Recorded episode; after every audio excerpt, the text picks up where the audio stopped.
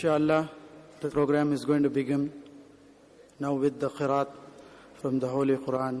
A few verses will be read by Brother Fahim. أعوذ بالله من الشيطان الرجيم بسم الله الرحمن الرحيم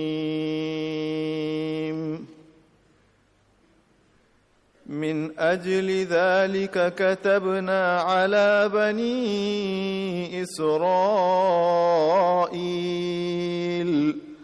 أنه من قتل نفسا بغير نفس أنه من قتل نفسا بغير نفس أو فساد في الأرض أو فساد في الأرض فكأنما قتل الناس جميعا ومن أحياها فكأنما أحيا الناس جميعا ولقد جاءتهم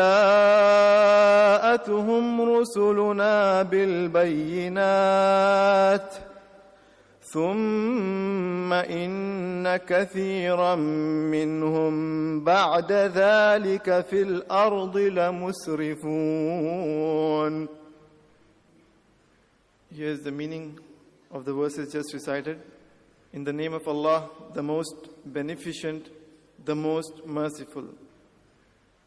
Because of that, we ordained for the children of Israel that if anyone killed a person not in retaliation or murder or to spread mischief in the land, it would be as if he killed all mankind. And if anyone saved a life, it would be as if he saved the life of all mankind. And indeed, they came to them, our messengers, with clear proofs, evidences, and signs. Even then, after that, many of them continued to exceed the limits set by Allah.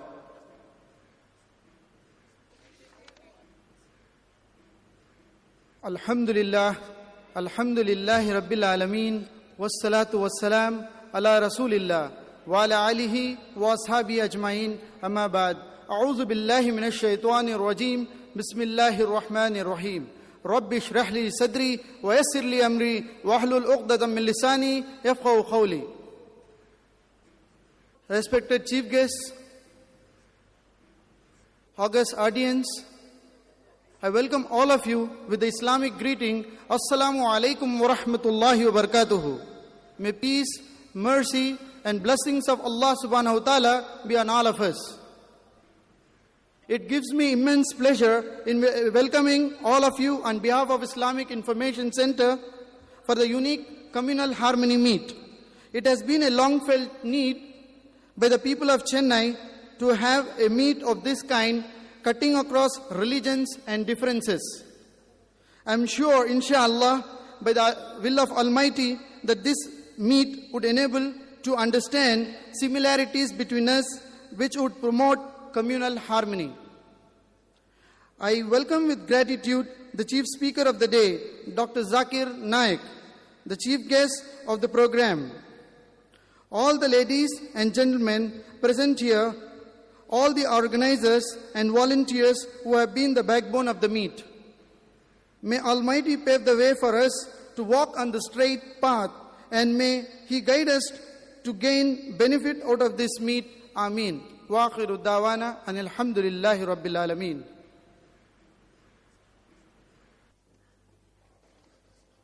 respected dignitaries or the dais of the dais, my dear brothers and sisters, it gives me immense pleasure to be amidst you in this August gathering in this sweet evening.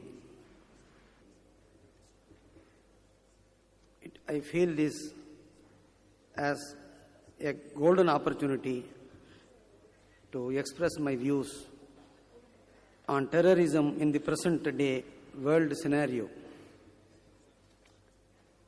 Evolution is nature's way of showing concern for the survival of all living beings. If we observe carefully, we can see that the nature loves everything it has created. It has given color and shape to even the smallest of its creatures. We cannot, but we have potentialities of being creative when we are born from so great a creator. If we are not happy now, we will never be. We can no longer lose in life once we have gained the ability to see the greatness in God. In war, we do not eat whom we kill, lest it should be considered barbarous. It is better to be harmless than helpful. When God has given us sight to see His greatness, surely He must have also given us a mind to understand it. Sight helps us to realize the existence of God, but only the mind can help us to find Him. Deep down below the jumble of our minds, there is something which knows and which can reveal much knowledge and wisdom. We are in big society, following different paths of life and connected with different religions. When we accept society, we commit ourselves to a ridiculous way of life. The greatest achievement of all is conquest of self. For every human being, that should be the goal, and that is the only great achievement. Strange that our basic instincts should be the same as those of other living creatures. Can the thoughts and philosophy of a person go beyond his pursuits? My dear brothers, to love the Creator, we must first love His creation. Man, in his glamour and glory, forgets the glamour and glory of God. One thing unique about wisdom it cannot be inherited, but must be acquired. Man's success should not be judged by the wealth of his possession, what he has, but to the extent whether he is at peace with himself. The success of our achievement depends on the intensity of our desire. Wisdom lies in its choice. As far as the soul within us, in everybody we have soul. The energy which understands and speaks, and whichever her vice and virtue are understood, it is the soul. So, as far as the soul is concerned, it understands only the language of feeling. Each unfortunate event in life should be considered as a lesson for the development of our minds. Our attitudes govern our destiny. Therefore, the happiness that we enjoyed in childhood was due to our state of mind, not due to any external factor. We must realize that we have become victims of our own values. In everybody among us, one of the chief vices which could destroy the intellect is the vice of anger. Therefore, a person desirous of remaining a true human being must conquer anger in all possible ways. Anger is an acid that does more harm to the vessel in which it is stored than to the person on whom it is poured. The whole nervous system in our body is shattered by an outburst of anger, and various poisons are thrown into the blood when one is angry. That's why it is absolutely necessary for a person to conquer anger. From anger, delusion arises, and from delusion, bewilderment of memory. When memory is bewildered, intelligence is lost. And when intelligence is lost, one falls down again into the material fall, material pool. Hence, anger has to be controlled. The best tool to conquer anger is forgiveness. It is said that by remembering an injury or insult done to us, and not by forgiving the wrongdoers, we keep our wounds ever green. Hence, the best remedy in the interest of our own spiritual, mental, and physical health is to forgive the wrongdoers. There are only two things which concern us mind and matter. Our conscience is the best guru. Only our feelings can bring about self realization. We should be guided by our feelings, not by our thoughts. The richness of life comes with feelings that which cannot be seen, it can be felt. The greatest pilgrimage is the journey of ours, is inward. By looking inward, we can travel to any part of the universe. The inward journey begins from the time we start to observe our mind, body, and behavior. Love is the common language of all our creatures. Only our ignorance prevents us from experience. Experiencing the love, it is love which permeates the atmosphere, world, and universe. We cannot experience love without a feeling of oneness. We should try to convert our adversities into opportunities. We have the intelligence to make weapons, but not the wisdom to refrain from using them. Some nations for which people have fought and died no longer exist. Only those who identify with you are close. All others are strangers, even though they may be related. The younger generation are merely repeating our mistakes. Ceremonious blessings can never be effective as we are responsible for our own deeds, acts, and behavior. Our motives determine our destiny. Our selfish motives eventually lead us to misery and destruction, whereas our unselfish motives eventually lead us to bliss and immortality. Brothers, the present age is extremely difficult to live in. The teaching of self restraint can be effective first self control and then discipline. The walls of casteism and communalism divide the people. To make such walls transparent, we should realize and make a slogan Man is first, a man he is a Hindu or a Muslim. In short, we should realize that we are all one. Problems are multiplying. They prop up in ever new forms. The problems would not be solved as long as the prevalent trends of our age do not change their course. Therefore, the trend would change by observing only each individual self-restraint. It should be truly a historical day for mankind when religion and science complement each other. That would be the day when devotion to self-restraint would have served its purpose and it would be possible to train man to lead a proper life. வாய்ப்பினை கொடுத்த இந்த Islamic information centre அவர்களுக்கு பணிவுடன் நன்றி கூறி என்னுடைய உரையை முடித்துக் கொள்கிறேன் நன்றி வணக்கம்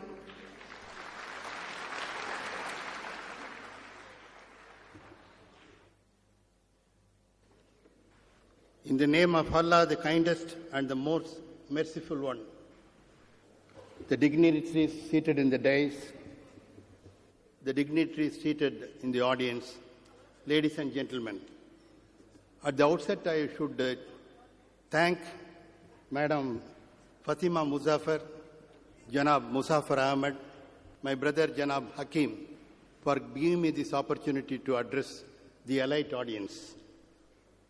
I am, feel very humble in front of uh, great scholars like Richard Haynes, Chordia, and uh, the erudite scholar Dr. Zakir Naik, from whom you are going to listen about the terrorism and jihad. Terrorism is an aberration in the human behavior. terrorist, whether it is Hindu fundamentalist, or it is Christian terrorist, or it is Muslim terrorist, they have abnormal brain. They have delusion and illusion. And the way in which the terrorism has to be tackled is these people have to be counseled by the fellow human beings. And the administrators have to find out what exactly is the root of root cause of the terrorism and see that the root cause is completely eliminated. The terrorists are in the pawn, but what exactly is the cause is the one which has to be found out. And they are also fellow human beings. The jihad, what is jihad? Is a struggle. You struggle to earn more and give charity. You struggle more and more to help the fellow human beings, to feed the poor, to look after the downtrodden, to heal the sick and the suffering. The struggle is not to take away life. The struggle is to,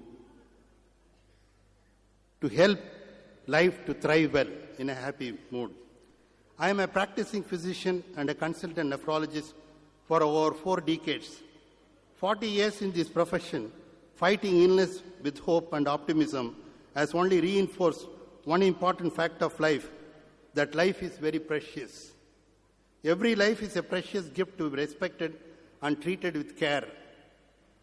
Today, life exists even after death. A dead man can save 11 lives with his two kidneys, two eyes, two lungs, one heart, one liver, one pancreas, provided the organs are harvested in time. Of course, the soul is indestructible, that there is always a chance that when a per- person dies, he goes home. He doesn't die. He lives, he goes and lives in his home. Living is possible only if we learn to live in harmony, learning to care for our fellow human being, expressing our respect and kindness. It is in each human being that the unmanifest God manifests himself. The godliness in man is manifested in his unselfish ability to give. Give food for the hungry. Give books to the poor for education. Give medicine for the sick. Give love to the needy and neglected young or old ones. Give a smile of hope to the depressed and deprived. Love is the law of life. Where there is love, there is a touch of divine. Where there is hatred, there is a devil in that particular individual. He has to be counseled. And isn't that what religion is all about? To be good and too good. The secret of religion lies not in theories but in practice. The basic aim of religion is to bring peace to man. Mahatma Gandhi regarded non-violence as his religion. Today it is very, very important that we follow the principles of the father of the nation. Everyone must be happy here and now. The book from which to learn religion is our own mind and heart. We have to remember it is feeling that is life, strength and vitality.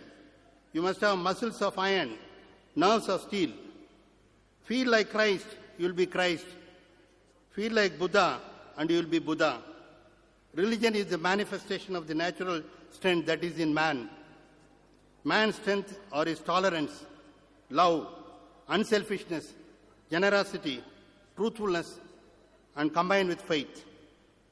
Differences create gaps, and we need to reap love, not hatred, out of diversity.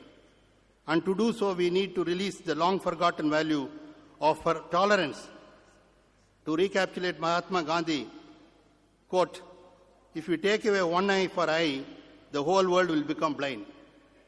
Also, he said, if only Christians are true Christians and follow the principles of Christianity, there will not be one Hindu in India. So, the basic principles of human life is more important than the religion and other unimportant matters. So, let us teach ourselves to sow, sow, sow love where there is hatred, to pardon where there is injury. Our brother said, forgive. I think there is the great ideals of humanism is forgiveness, to spread faith where there is doubt, give hope where is despair, and to love to be loved, so that our country wakes into that heaven of freedom where the world has not been broken into fragments by narrow dimension walls fulfilling Tagore's dream. I would like to end by saying that if man is not able to respect the manifested God in human being, what is the use of thinking about the unmanifested God? I think we have to respect God, man. We have to see that we give love, we are pure, we are truthful, we have uh, the charitable attitude, and we save people rather than taking lives. With this, I end. I thank you very much for your patient listening. Thank you.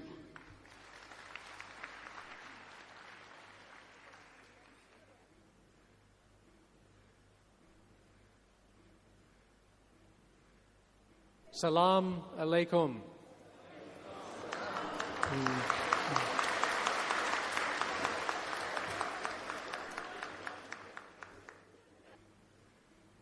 Freedom of religion is a central value in the U.S. There's a common belief that Americans don't care about religion. I'm here to tell you that is wrong. Americans care passionately about religion. For us, however, religion is perhaps more of a private than a public matter. For us, it matters very much that one chooses one's own religion because, in the end, one chooses one's own fate and one's own salvation. I can look at my own family, for instance, and I'm not making this up, but within my own family, we have Methodist Christian, we have a Buddhist, we have a Jew, we have an Eastern Orthodox Catholic, we have a Shia Muslim, and we finally have a Roman Catholic. And that's just my family. And I submit that most American families will have in them a variety of individuals with a variety of views, nearly all of whom carry very passionately about their religion. Now, I love India. I've been coming to India for more than 30 years. I would guess that the most of you were not born when I first came to India. So I'm the old, the old experienced teacher here, and I tell you that India is changing very, very rapidly, and it's an exciting time to be here in India. India is, along with the U.S., I think the two most pluralist societies there are in the world. I run into Indians constantly who say, Well, I'm here, but I'm actually from Calcutta. And I'm there, but my family is actually from Kerala. Again and again and again. An Indian is not a person who's rooted in a single place, but comes from a family, a family that can look back to other parts of India, to other ways of seeing things. And so you too, like an American, have made choices to determine who you are and why you are here. That to me is very exciting. I find that as I visit India again and again, all the way from Ladakh, Srinagar to Chennai, that it is not a divide between those who care about religion and those who don't care about religion. It's a divide between those who believe that people should be allowed to practice their religion and those who do not. The United States is known for Coca Cola, Pepsi, MTV, a whole lot of other things which you may enjoy, but which do not seem particularly important. But I would suggest that the United States' gifts to the world are tolerance and freedom, and the respect for tolerance and freedom. The United States wants a world where there's a balance of power between those who would be for this version of freedom and those who would be for that version of freedom. The United States does not want a world where the United States controls any approach to freedom. Instead, we want you and you and you to work with us to find a balance that will lead us all to freedom. Therefore, the United States wishes to create the conditions that will allow you and all the people in the world to choose along with you their own ways toward political and economic liberty.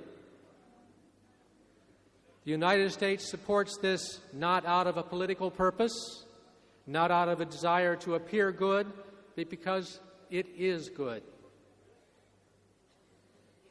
Now, the United States believes in peace. However, the United States also believes that it is necessary to defend peace. Especially, we wish to achieve our goals of freedom and tolerance by defending peace against those who advocate global terror. We will use every tool at our disposal to prevent and contain and respond to terrorist attacks. However, when I say every tool, I do not mean bombs, planes, guns, knives. I mean things like good education. I mean things like clean water, sanitation, health. I mean things like plain old auditing of financial accounts. I mean things like cooperating with your authorities with those of the other countries in the world to contain criminal elements. I mean things such as stopping the flow of narcotics, which fuels a lot of terrorism.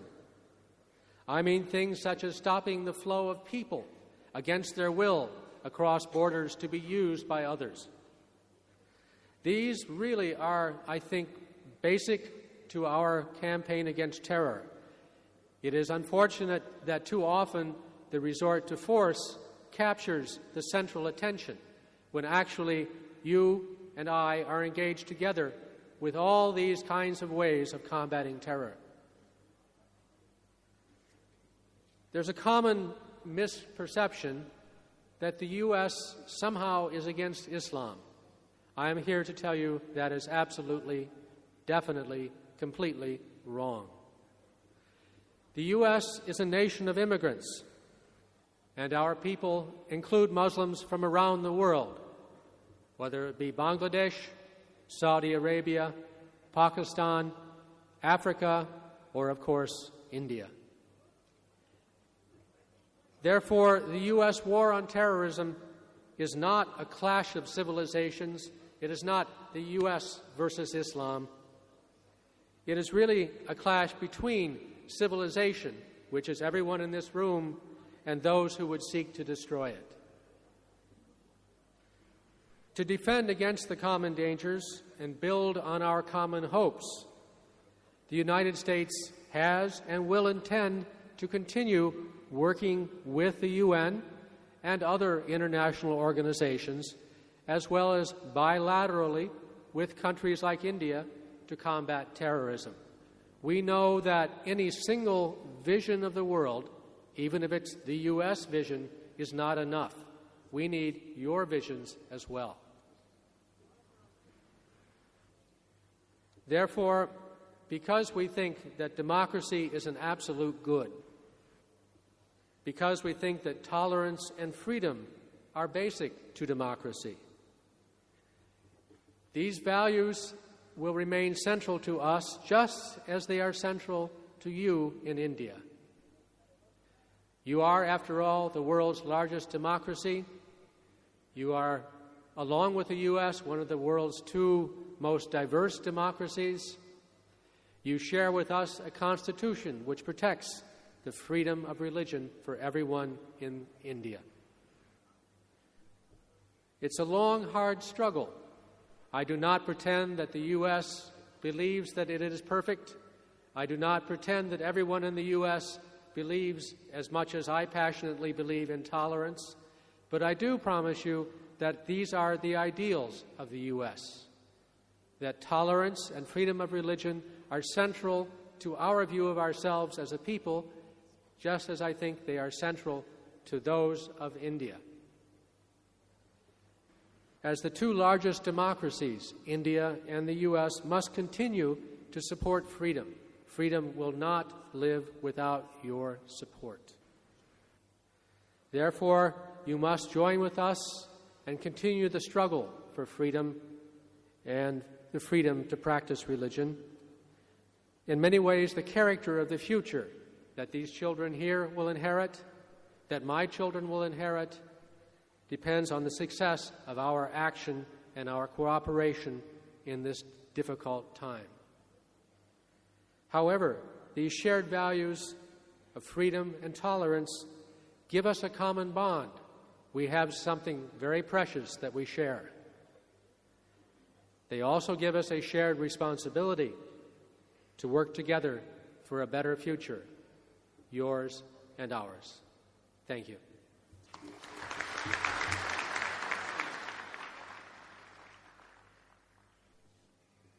Assalamu alaikum. It's a privilege to introduce Dr. Zakir Naik.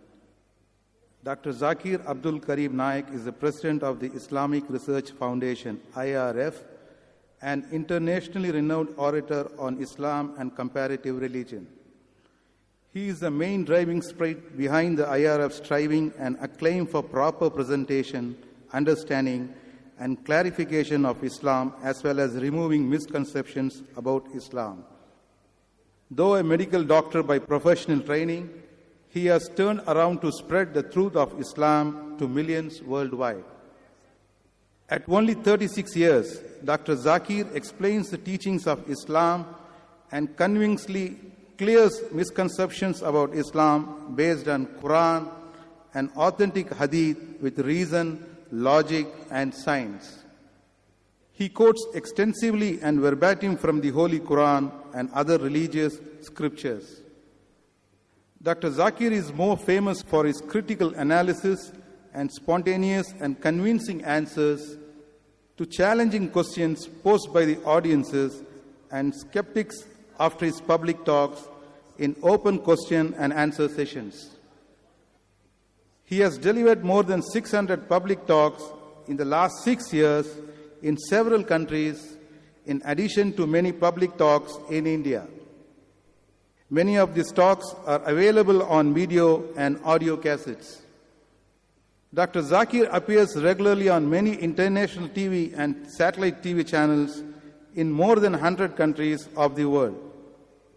He is regularly invited for TV and radio interviews. He has authored books on Islam and comparative religion. Thank you Alhamdulillah. Wassalatu wassalam ala Rasulillah wa ala ali ashabi ajmain. Amma ba'd. أعوذ بالله من الشيطان الرجيم بسم الله الرحمن الرحيم وقل جاء الحق وزاق الباطل إن الباطل كان زهوكا رب اشرح لي صدري ويسر لي أمري واحلل عقدة من لساني يفقه قولي The respected chief guests Dr. Richard Haynes Dr. Amar Sena Mr. Krishna Chanchoradia, the other dignitaries, my respected elders, and my brothers and sisters. I welcome all of you with the Islamic greetings. Assalamu alaikum wa rahmatullahi wa barakatuhu. May peace, mercy, and blessings of Allah subhanahu wa ta'ala, of Almighty God, be on all of you. The topic of this evening's talk is terrorism and jihad, an Islamic perspective. And many of you may be aware that more than 20% of the world population they are Muslims. More than one fifth of the world population consists of Muslims.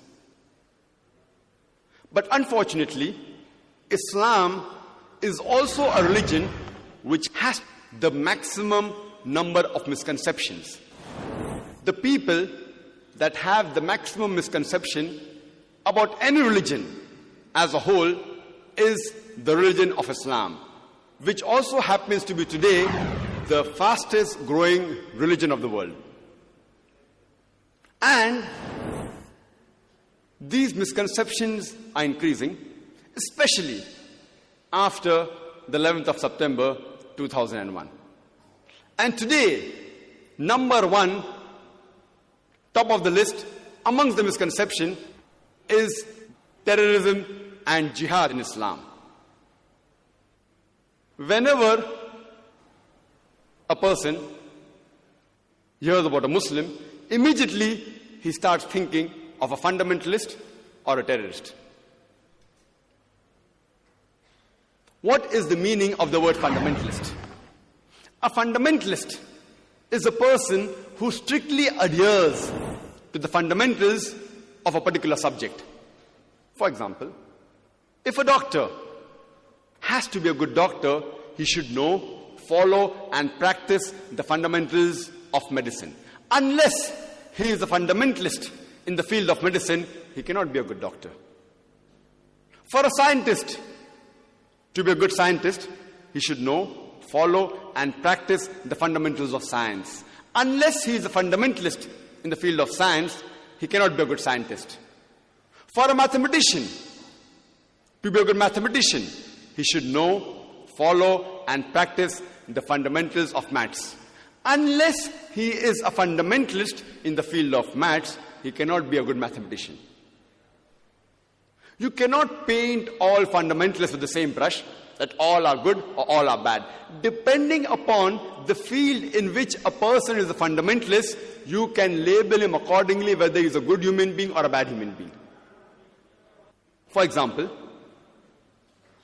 if there's a person who's a fundamentalist robber, a fundamentalist thief, whose profession is to rob, whose profession is to steal, he is a nuisance to society. He's not a good human being. On the other hand, if you have a fundamentalist doctor whose profession is to save human lives, then he's a boon for society. He's a good human being.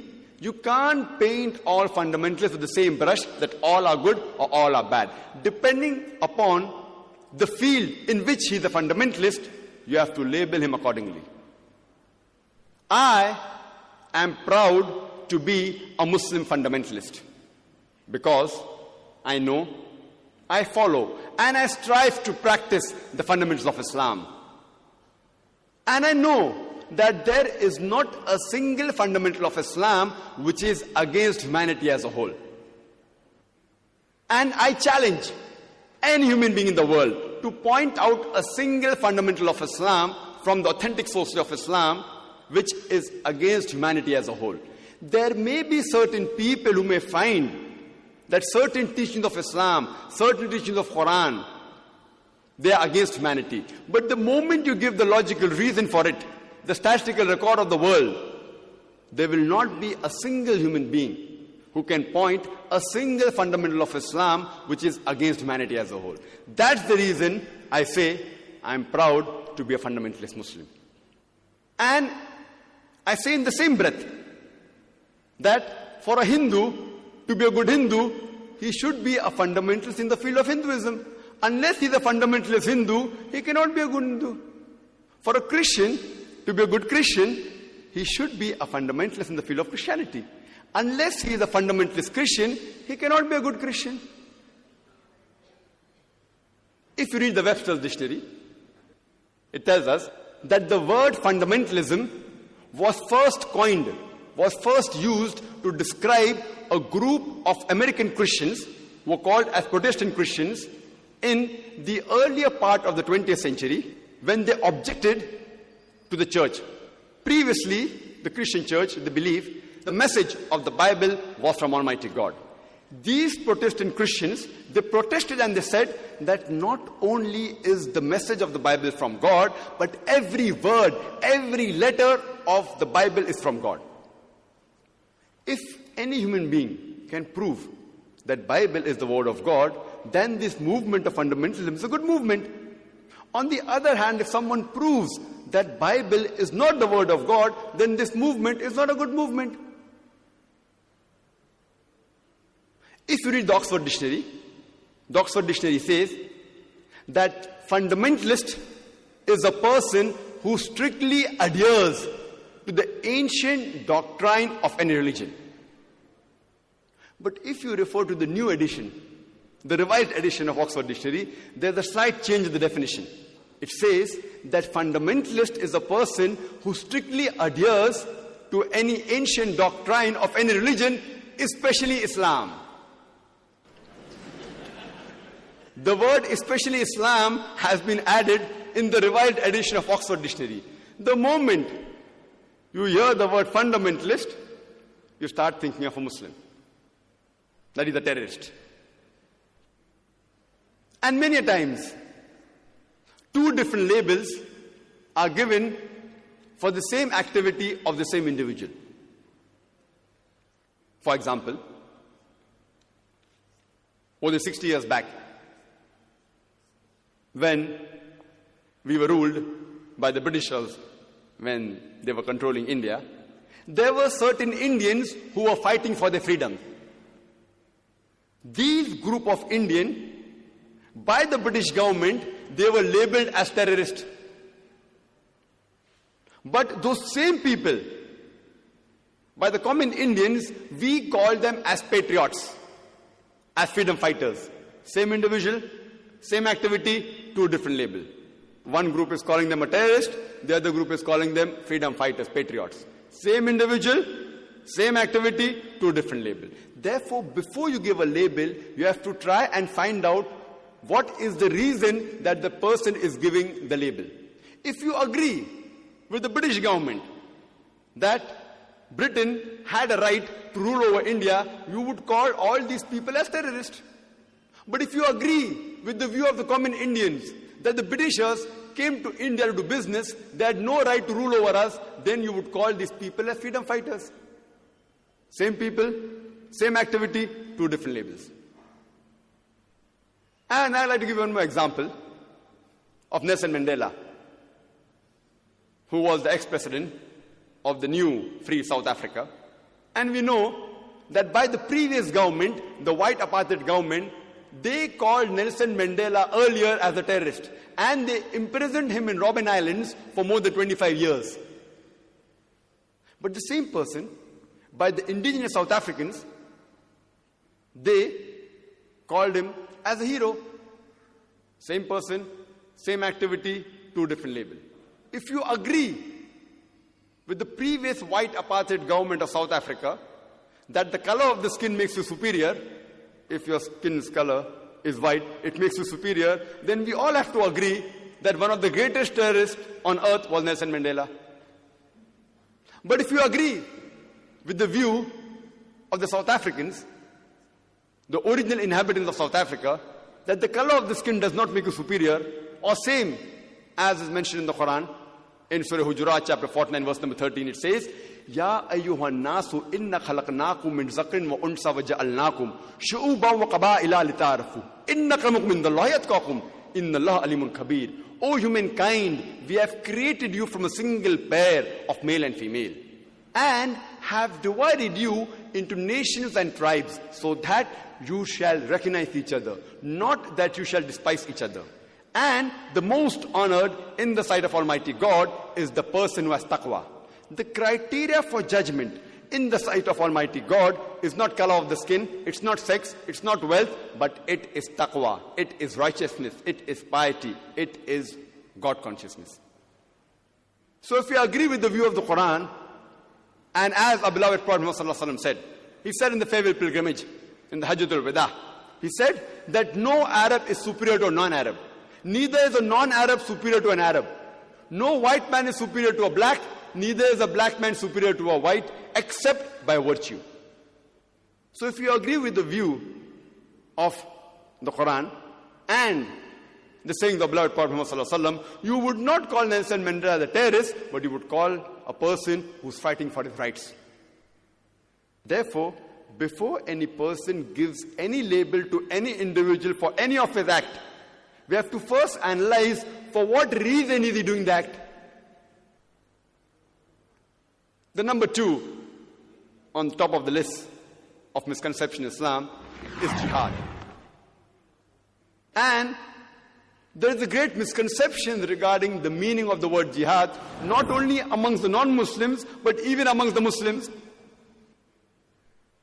most of the people, irrespective whether they're Muslim or non Muslim, they feel that any war fought by any Muslim for any reason whatsoever, irrespective whether it be for personal reasons, for political gain, for regions, for language, for any reason, if any Muslim fights a war, it is called as jihad. It is a great misconception not only among the non Muslims, but even among the Muslims, that any Muslim fights a war, it is termed as jihad. Jihad comes from the Arabic word jahada, which means to strive, which means to struggle, which means to exert effort. And in the Islamic context, jihad means to strive against one's own evil inclination. Jihad in Islamic terminology also means to strive to improve the society. It even includes to strive in the battlefield in self defense. And it even includes to strive to fight against tyranny and oppression. Jihad comes from the root word jahada, which means to strive, which means to struggle. For example, if a student strives to pass in his examination, in Arabic, we say he is doing jihad. He's striving, he's struggling to pass in the examination. If an employee strives, struggles to satisfy his employer, irrespective whether the work he's doing is good or bad, it is called as jihad. Irrespective whether the employee, whether he's doing good work or bad work, if he's striving to satisfy his employer, it is called as jihad. Jihad merely means to strive. If a politician strives to acquire vote, irrespective whether it's good or bad, it is referred to in Arabic as jihad. And there is another misconception as far as the word jihad is concerned. Most of the people think, Muslim, non Muslim alike, that jihad can only be done by Muslims. In fact, there are verses in the Quran in which Almighty God says that even the non Muslims, they did jihad. The Quran says in Surah Luqman, chapter number 31, verse number 14, that we have enjoined on the human beings to be kind to the parents. In travail upon travail did the mother bore them, and in years twain was their weaning. The next verse, Surah Luqman, chapter number 31, verse number 15 says that, but if they strive, but if your parents strive to force you to worship someone else besides me, besides Almighty God, of which you have no knowledge, then do not obey them. Here the Quran says that if your parents strive, they struggle, they do jihad to make you worship somebody else besides Almighty God, do not obey them. So here the Quran says that the non-Muslim do jihad. The same message repeated in Surah Ankabut, chapter number 29, verse number 8, that we have enjoined on the human being to be kind to the parents. But if they strive, if they do jihad and force you to worship anyone besides me, besides Almighty God, of which you have no knowledge, then do not obey them, but live with them in compassion and love. So here we come to know from the Quran that even the non-Muslim did jihad. Further mentioned in the Quran in Surah Nisa, chapter number 4, verse number 76, that the believers they fight in the way of Allah subhanahu wa ta'ala. And the unbelievers, they fight in the way of the Satan. So strive against the brothers of the Satan. Here again, it speaks that the evil people, even they do jihad.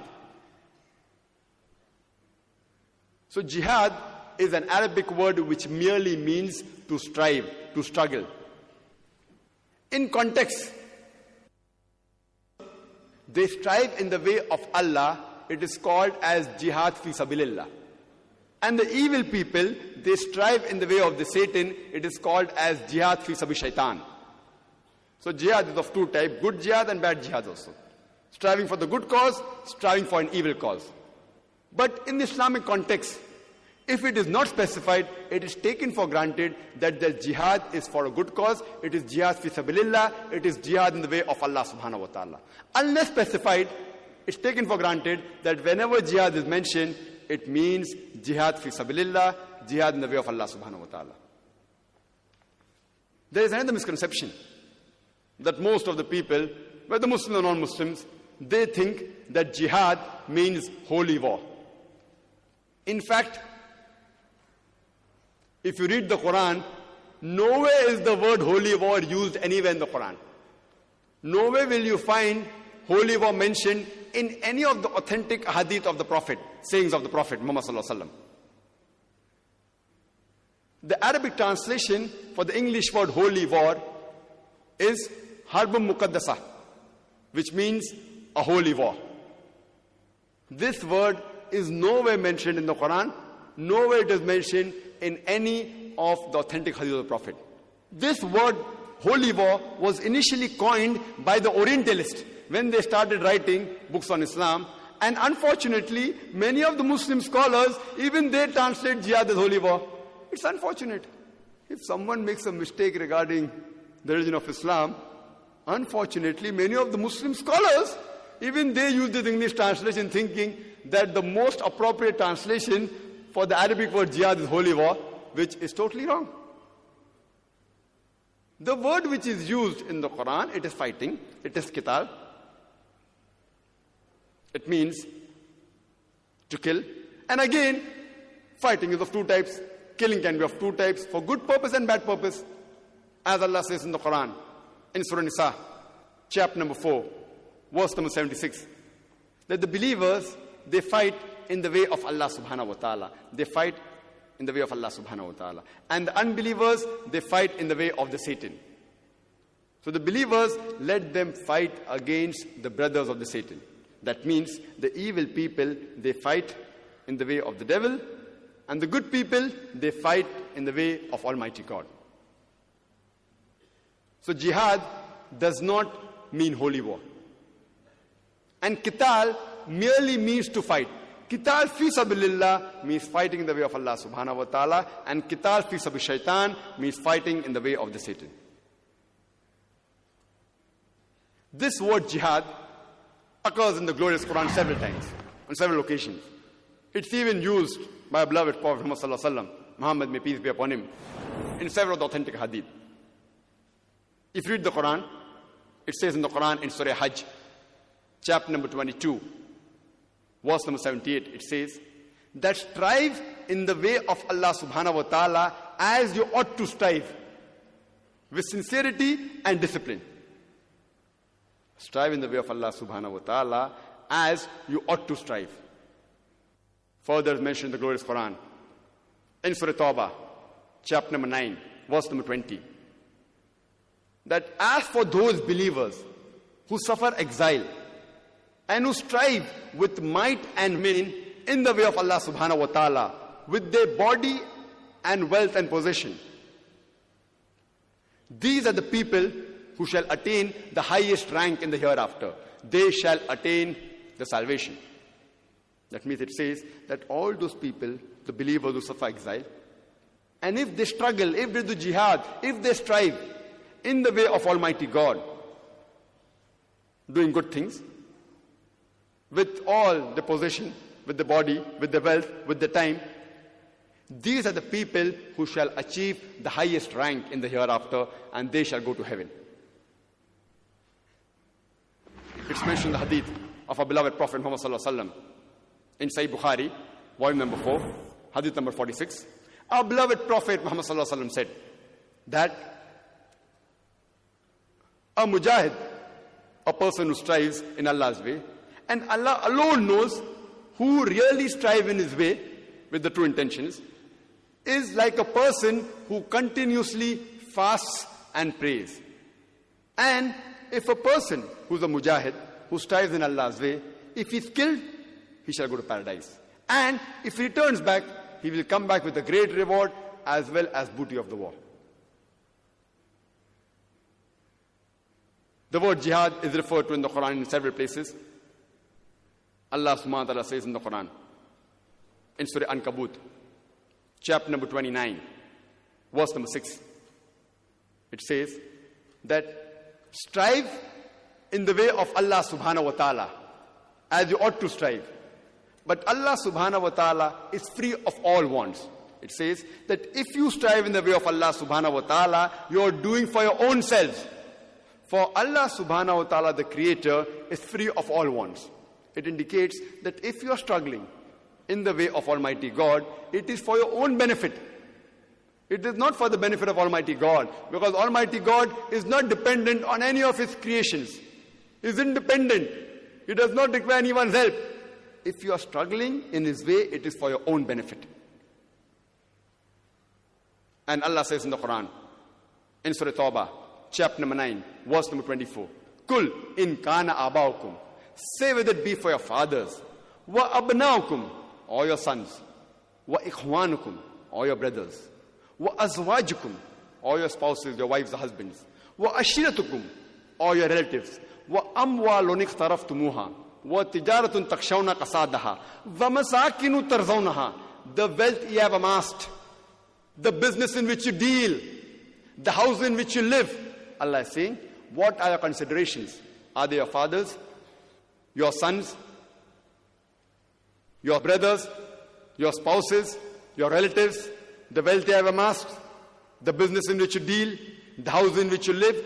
What are your considerations? And Allah continues, Ahabba ilaykum min Allahi wa rasulihi wa jihadin fi sabilihi. If you love all these eight things more than Allah, his messenger, and doing jihad in the way of Allah subhanahu wa ta'ala. Again, the word jihad is used, indicating that if you love all these eight things more than Almighty God, more than the messenger of Almighty God, or striving or struggling in the way of Almighty God, then fatarabbasu, wait. Hatta ya'ti Allahu bi amri, wallahu la yuhibbul fasiqin. Wait until Allah brings his decision unto you. Wait until Allah brings the destruction unto you. Wallahu la yuhibbul fasiqin. And Allah guides not the fasik people. Allah says that if you love all these eight things more than Allah, Almighty God, more than His Messenger, and striving the way of Allah subhanahu wa ta'ala, then wait until Allah brings His decision unto you. And Allah guides not the fasik people, the rebellious people.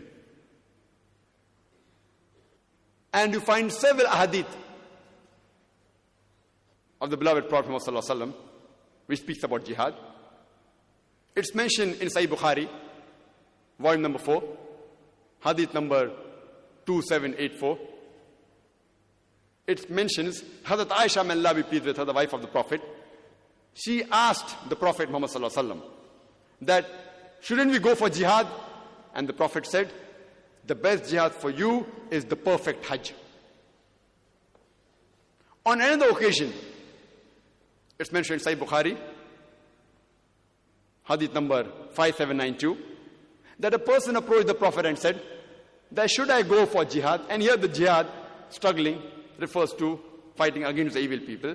So person asks, that should I go for jihad to fight against the evil people? So the Prophet asks him, that do you have parents? The man says, yes. So Prophet says, the best jihad for you is to serve your parents. On the other occasion, which is mentioned in Sunnah Nisai, hadith number 4209, that a person asked the Prophet, that which is the best of jihad? And the Prophet said, the best jihad is to speak a word of truth against the tyrant ruler. Here you find that depending upon the situation, the best type of jihad, the best type of struggling keeps on differing. Sometimes the Prophet said, the best jihad is performing perfect Hajj. That is the perfect pilgrimage. On another occasion, the Prophet said, the best jihad is to serve your parents. On another occasion, the Prophet said, the best jihad, the best struggling, the best striving is to speak a word of truth against the tyrant ruler. And the beloved Prophet Muhammad said, it's mentioned in Sayyid ibn Habban that the Prophet said, a mujahid, person who strives, a mujahid is a person who strives against his own self for the cause of Allah subhanahu wa ta'ala. And a muhajir, a person who migrates, is a person who migrates from evil to good. There you find that jihad is used in various different contexts. And depending upon the situation, the best type of jihad keeps on changing. So, to understand the concept of jihad, you have to go to the authentic sources that's the glorious Quran and the authentic hadith of Prophet Muhammad, peace be upon him. And here we find in the Quran, Allah subhanahu wa ta'ala says in Surah Baqarah, chapter number 2, verse number 208, it says that, Ya ayyuhal lazina amanu, udkhulu fi silmi kaffa. Oh, you believe, enter into Islam wholeheartedly. And do not follow the khutwatu shaitan, the footsteps of the devil. Here Allah is specifically telling that, oh, you believe, oh, believers, do not follow the footsteps of the devil. On many occasions, the Quran says that do not follow the Satan. But here Allah says, do not follow the footsteps of the Satan. Is there any difference between following the Satan and following the footsteps of the Satan? Why does Allah subhanahu wa ta'ala change the words? The reason is that anyone who has little iman, who has little faith, if for example, if a young lady comes and tells him that let's spend the night together, because the person has faith, he will say, no, not at all. It is totally prohibited. It's a sin. And he will not do it. But to the same person who has little faith, if a phone call of a young lady comes, he may say, there is no harm in speaking to a young lady. So he speaks for a couple of times on the phone.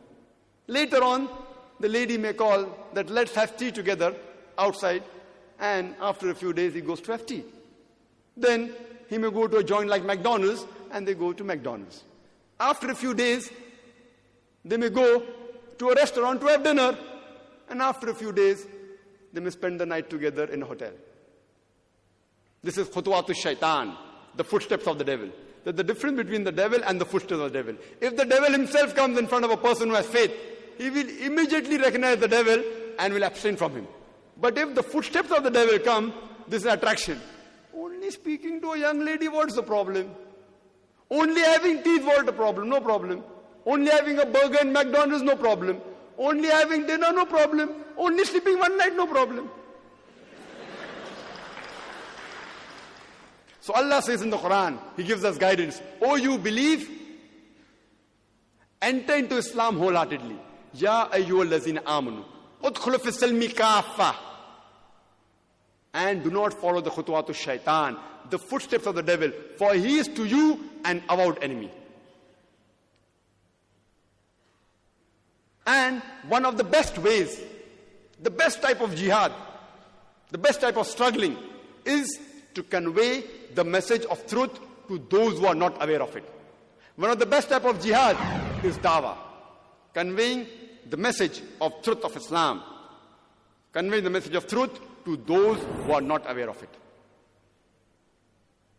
And Allah says in the Quran, in Surah Al Imran, chapter number 3, verse number 110, Kuntum khaira ummatin ukhrijat linnas. O ye Muslims, ye are the best of people evolved for mankind. Allah is giving us the honor and is calling the best of people. There is no honor without responsibility. Allah continues and gives us the responsibility. تَأْمِرُونَ بِالْمَعْرُوفِ وَتَنْهَوْنَ عَنْ مُنْكَرٍ وَتُؤْمِنُونَ بِاللَّهِ Because you enjoin what is good and you forbid what is wrong and you believe in Allah. The reason Allah Almighty God is calling us the best of people because we are supposed to enjoin people towards the good and forbid them from doing the wrong. If you do not enjoin what is good, and if a person does not forbid from doing wrong, he is not fit to be called as Muslim. He is not fit to be called as Khaira Ummah, as the best of people. So the reason we are given this honor is because we are supposed to enjoin people to the haqq and forbid them from wrong. And I started my talk by quoting a verse from the glorious Quran, from Surah Isra, chapter number 17, verse number 81, which says, وَقُلْ جَالْ حَقُّ وَزَاقَ الْبَاطِلِ إِنَّ الْبَاطِلَ كَانَ زَهُوكَ When truth is hurled against falsehood, falsehood perishes. For falsehood is by its nature bound to perish.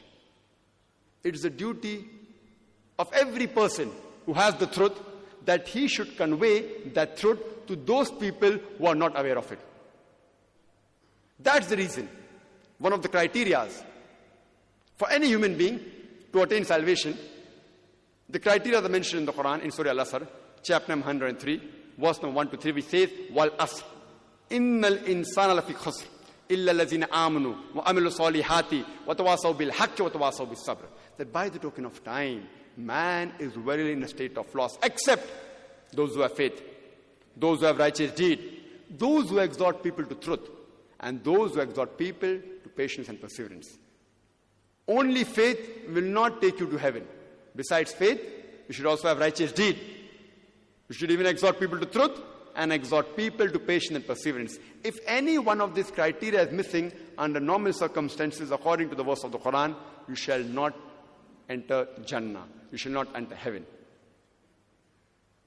And today we find that the international media, whether the television satellite channels, whether it be the newspapers, whether it be the magazines, you find that Islam is in the firing line. Even on the internet, there is virulent propaganda about Islam. And I personally do agree with the statement of Lord Richard Haynes, the Consul General of USA to Chennai, when he said that the American nation is not against Islam. And I do agree with him. I've been to America several times. The American people as a whole, the American people as a whole, I do agree with him. The American people as a whole, they aren't against Islam. And same thing I tell my Indian brothers that the Indian Hindus as a whole, they aren't against Islam. They aren't. We have got several Hindu friends. No problem. It is only a small group of Indians. For the personal gains, they may try to malign Islam. It may be a small group of Westerners. For the personal gain, they may try to malign Islam for the personal reasons. Some people, because they want to come in power, it's an easy vote bank to create a tension between two communities. Some people, to divert the mistakes made by the head of state, he diverts the attention by creating another scenario, making Islam in the firing line. So, I do agree that as a whole, the American nation is not against Islam. As a whole, the non Muslims of India aren't against Islam. It is only a selected few. And these people, they are controlling the media. According to Time magazine, an article came on the 16th of April, 1979. It said that more than 60,000 books were written against Islam in a span of 150 years. More than 60,000 books written against Islam in a span of 150 years. And if you calculate, according to this article of Time magazine, more than one book is written against Islam every day. Every day. And the media, I blame the media and I blame the politicians. The problem that we have today in the world, according to me, the root cause is the media and the politicians. I'm sorry if I hurt anyone's feeling. I'm not targeting any particular people, but just this is my opinion. That the media, if you analyze, I know there are many journalists out here. So, but as I mentioned in the morning, that the many journalists who are truthful and they really give a good view, it is, when I say majority, it means more than 50%.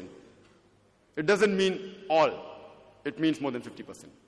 And if we analyze that today, selectively, the Muslims are being targeted on the media. For example, if a Muslim woman wears a hijab, she's targeted.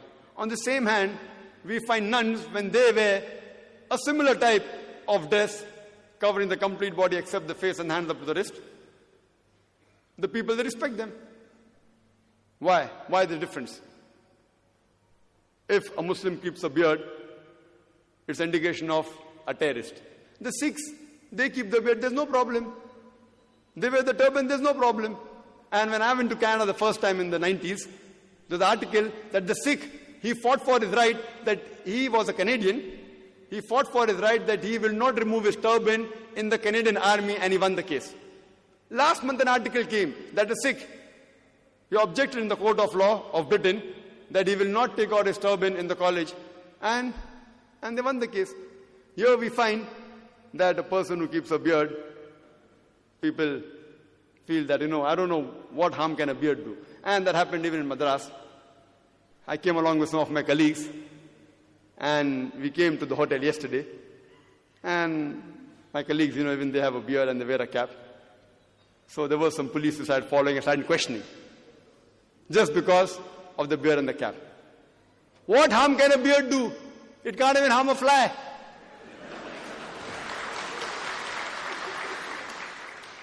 What harm can a cap do? Fine, if somebody is carrying a gun and you question him, it's fine. If somebody is carrying certain things that you find suspicion, it's fine. Imagine a beard, it can't even harm a fly. And you analyze all the saintly people of most of the religion, had beard. Jesus Christ, peace be upon him, supposed to be the messenger of Islam and even considered as, by the Christians in inverted commas, as God. He had a beard. All the sons and sadhus, they have a beard. All the religious personalities, almost all, if not all, if you analyze in the religion, if you see on the higher level, they have beard. So what's the problem in a beard? There's no problem at all. So this is the hype of the media. It is the hype of the media, it is selectively targeting. So because of this, you find the scenario today that there is a misconception about Islam. And I blame the Muslims also, that we aren't actually conveying the message of truth to them. We aren't doing our job. And we find that certain verses of the Quran are quoted out of context. And one of the most famous verses of the Quran, in which the critics they try and say that, oh, Quran says wherever you find a non-Muslim, you kill him. And one of the famous critics of India, as you know, Arun Shuri, he wrote a book called The World of Fatwa. And he writes in his book and he quotes the Quran in Surah Tawbah, chapter number 9, verse number 5. He says, The Quran says, wherever you find a kafir, into brackets Hindu, into brackets Hindu, wherever you find a kafir, into bracket Hindu, you kill him. You wait for him in every stratagem of war. So imagine if a common Hindu, I know some Hindu reads this, whoo, Quran says that wherever you find a Hindu, kill him, then immediately there will be a reaction. He will start going against Islam.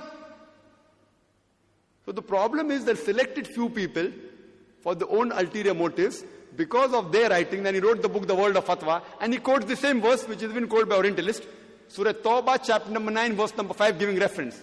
After verse number 5, he jumps to verse number 7 directly. Any intelligent person will know why. Because verse number 6 has the key, the reply to his allegation. In context, if you read Surah Tawbah chapter number 9, the first few verses speaks about a peace treaty between the Muslims and the mushriks of Makkah. This peace treaty was unilaterally broken by the mushriks of Makkah. So by the time Almighty God reaches verse number 5, he says that in the battlefield, that wherever you find your enemy, kafir means unbeliever enemy, wherever you find the enemy, you kill him. In the battlefield, if anyone quotes out of context, it will sound absurd. Imagine a few decades earlier, there was a war between USA and Vietnam. And if the army general of USA or the president of USA tells the American soldiers in the battlefield that my soldiers, don't get scared. Wherever you find the Vietnamese, kill him. It is to boost up the morale. But today, if someone quotes that the president of America said that wherever you find a Vietnamese, kill him, you will make him sound like a butcher. It's out of context. And but naturally, any army general, to boost up the morale, he will give moral support to his soldiers. So similarly, when Almighty God says in the Quran to the believers that when the enemies come to kill you, don't get scared to kill them. So what's harm in it? And the next verse, verse number six says that if the unbelievers, if they seek asylum, it does not say let them go. It says if they seek asylum, if they seek peace, escort them to a place of security so that they may hear the word of Allah. The Quran does not say if the enemy wants peace, let them go. The Quran says escort them to a place of security. Today, the most generous army general, the maximum his soldier that if the enemy wants peace, let them go. Which army general will say that escort them to a place of security? But this is what Quran says. If you read in context, you come to know the real message of the Quran. And you pick up any religious scripture. I am a student of compiled religion. I have read the Ramayana, Mahabharata, Bible, Old Testament, New Testament, six scriptures, Jain scriptures. I have read it. And you find that in certain occasion or the other, almost all the scriptures, some way or the other, they have mentioned fighting. they have mentioned killing. I can give quotations. If you read the Bible, in the book of Exodus of the Old Testament, chapter number 22, verse number 18 to 20, it says kill. Exodus, chapter number 32 says kill. Numbers says kill. New Testament, if you read Luke, in the Gospel of Luke, it says kill. And if you remember the story of Jesus Christ, peace be upon him, when he goes to the Garden of Gethsemane, he tells to one of the apostles to take a sword and stand there. And that apostle, he uses a sword to chop off the ear. So you find that fighting has been prescribed in almost all the scriptures. You read the Hindu scriptures. Mahabharata is a scripture. It is what? Bhagavad Gita, chapter number 2. And you know that when Arjun, when he feels sad, that when he has to fight his relatives, Arjun says, How can I kill my relatives? There are thousands of people ahead in front of me. How can I kill them? So, Lord Arjun, Arjun, he is given guidance by Lord Krishna. And Lord Krishna tells him that as far as for the truth, when you're on the truth, you don't have to see who's in front of you, whether the relatives or who it is. And that is correct. Truth prevails much more higher than the blood relations. Same thing the Quran says in Surah Nisa, chapter number 4, verse number 135. Ya ayyuhallazina. Oh, you believe, stand out firmly for justice as truth to Almighty God, even if it be against yourself, against your parents, against the rich or against the poor. Allah protects all. So if you study all the scriptures, all the scriptures somewhere or the other, sometime or the other, they have mentioned about fighting. That doesn't mean you pick up that verse of Exodus, you pick up that verse of Bhagavad Gita and say that, you know, Bhagavad Gita says that I have to kill your relatives. It's out of context. So here we have to analyze that to get a communal harmony, the best thing we have to do is we have to go back to our scriptures. If you go back to our scriptures, you'll come to know what is mentioned in the scriptures, which is the authentic source of every religion. And we find that the Quran says in Surah Maida, chapter number 5, verse number 32, it says that if anyone kills any human being, whether it be Muslim or non Muslim, unless it be for murder or for creating mischief in the land, it is as though he has killed the whole of humanity. The Quran says if any human being, whether Muslim or non Muslim, kills any other human being, whether Muslim or non Muslim, unless it be for murder or for creating mischief in the land, it is as though he has killed the whole of humanity. And the verse continues. And if anyone saves an human being, it is as though he has saved the whole nation. And as far as Qital, fighting the way of Allah subhanahu wa ta'ala, Qital fi sabilillah is concerned, there are certain guidelines laid down in the Quran and the sayings of the beloved Prophet Muhammad that even as a last resort, if you have to fight, if ever you have to fight the evil people, there are certain guidelines laid down. And Allah says in the Quran in Surah Baqarah, chapter number 2, verse number 190, that fight against those who fight you. But do not commit excesses. Do not transgress the limits. For Allah does not like those who transgress limits. Allah says in Surah Baqarah, chapter number 2, verse number 194, that fight those who fight you until there is no more tumult and oppression. And there are several guidelines laid down in the Quran and the Hadith regarding if you have to fight as a last resort in the way of Allah subhanahu wa ta'ala. When you fight, you should not harm the women, you should not harm the children, you should not harm the elderly people who are at their home, you should not break monasteries, you should not harm the religious people, you should not burn down trees, you should not uproot the trees, you should not burn the crops, you should not kill the animals. There's a big list of do's and don'ts. And according to a book written by Ramakrishna Rao, he writes on the life history of Prophet Muhammad, peace be upon him, he says that in all the fighting that took place at the time of the Prophet, all these years, 22 years, he gives a calculation from his own sources that 1,018 people were killed. How many? 1,018. Do you know the statistics of First World War? How many were killed? How many were killed? How many? 20 million people. 10 million soldiers and 10 million civilians. Second World War, 30 million people were killed. And another 34 million injured. Compare. We find that if you go back to the source, you'll come to know the real reason and the real philosophy behind the statement of the verse of the Quran. And one of the most common allegation today that we have, or again top of the list, the common misconception, is that Islam was spread by the sword. Islam comes from the root word salam, which means peace. It comes from the word silm, which means peace, which means to submit your will to Almighty God. And if anyone who submits his will to Almighty God to acquire peace, he's called as a Muslim. Imagine if you translate the statement, Islam was spread by the sword, it means peace was spread by the sword.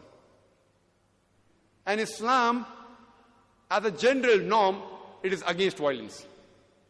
But as a last resort, force can be used. And in every country of the world, every country of the world has a police. And this police too, if suppose the civilian or the citizens or anyone else, if they do not follow the law of the country, this police, it uses force to let peace prevail in that country. So when every country has a police, and when they can use force, they can keep guns. And if Islam is against violence, it mainly promotes peace. As a last resort, because some people do not want peace and they want to disrupt the peace, to control these people as a last resort, Islam gives permission for the use of force and violence as a last resort. The reply to this misconception that Islam was with the sword is given very well by a famous historian by the name of DeLacy O'Leary. He writes in his book, Islam at the Crossroad, on page number 8, and he says that history makes it clear that the legend of fanatical Muslims sweeping across the world, forcing Islam at the point of the sword over conquered races, is the most fantastic, absurd myth that historians have ever repeated.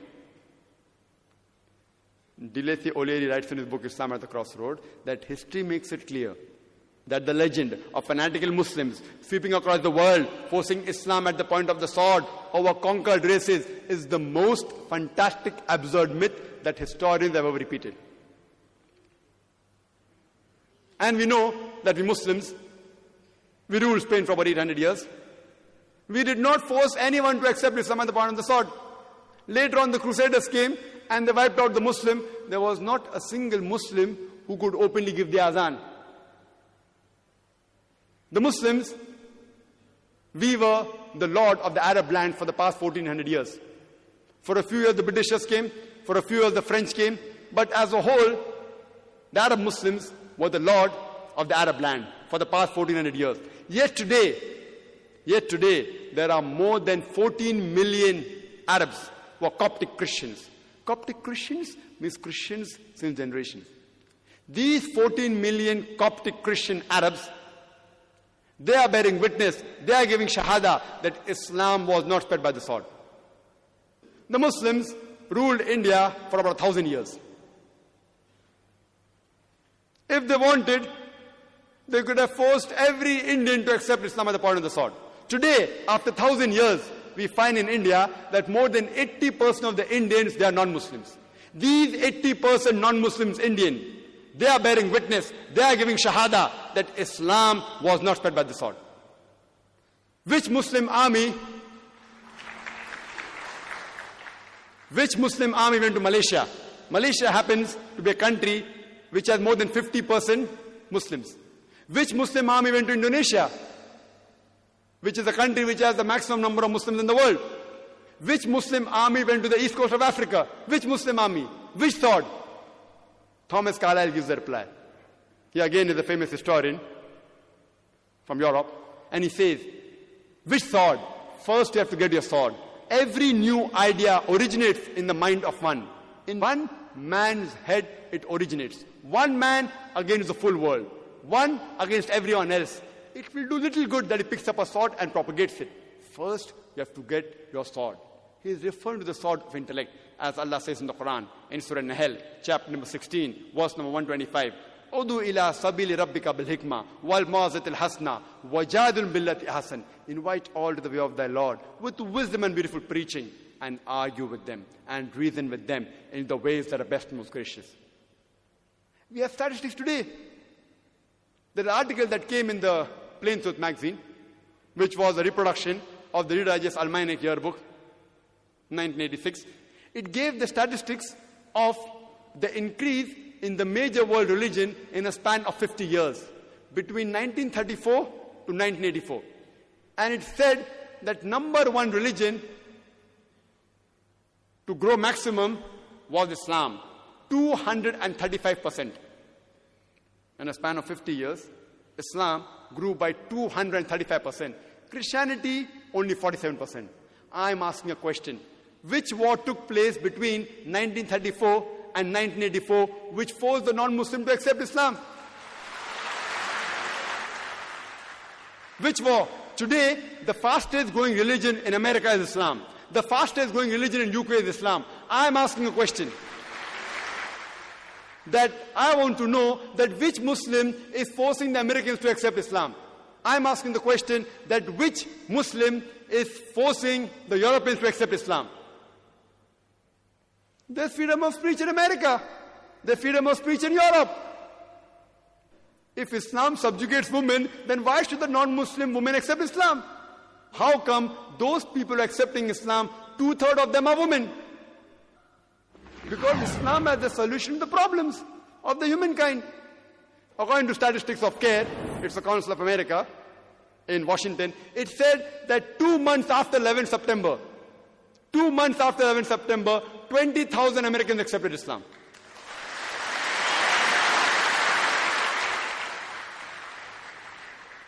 And after the 11th September, I was there on the 9th of September, two days before I left. Otherwise, I too would have been.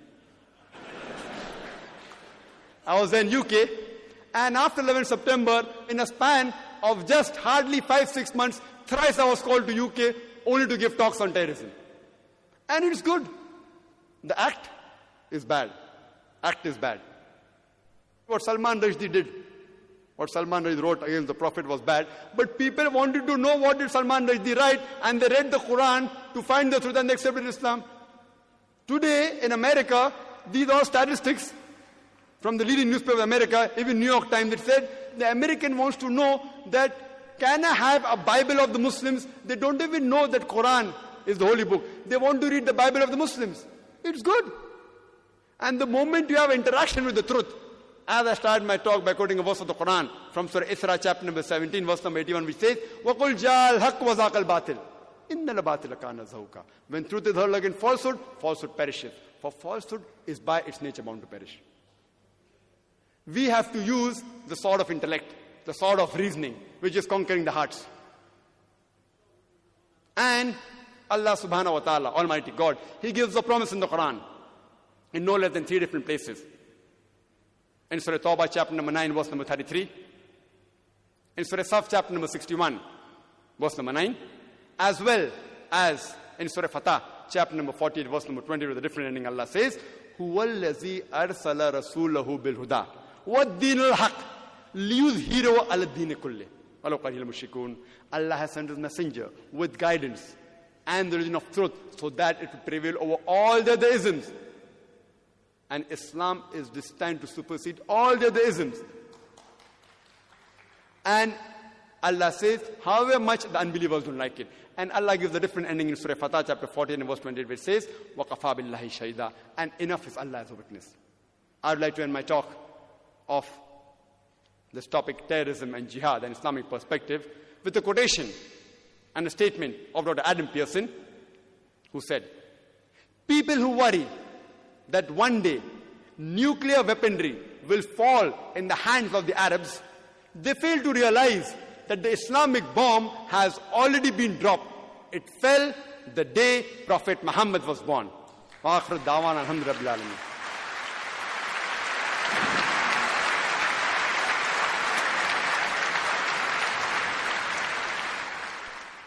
Now we begin with the more interesting part of the program, that is, the question answer session.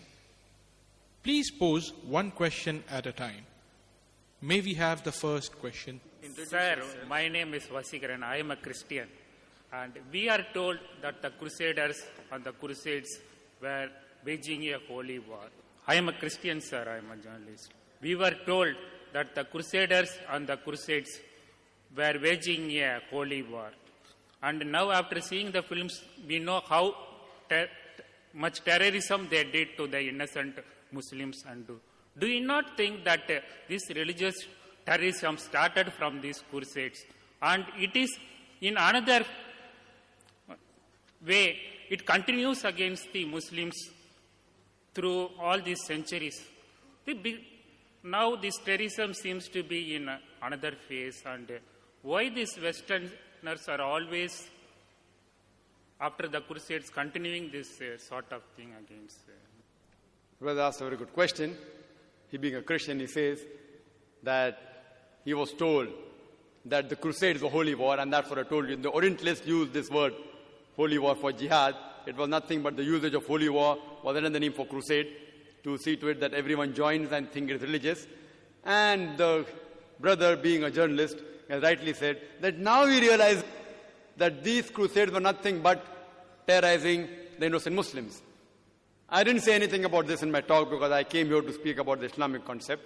I didn't touch on any religion, negative point of any religion, either do I want to touch.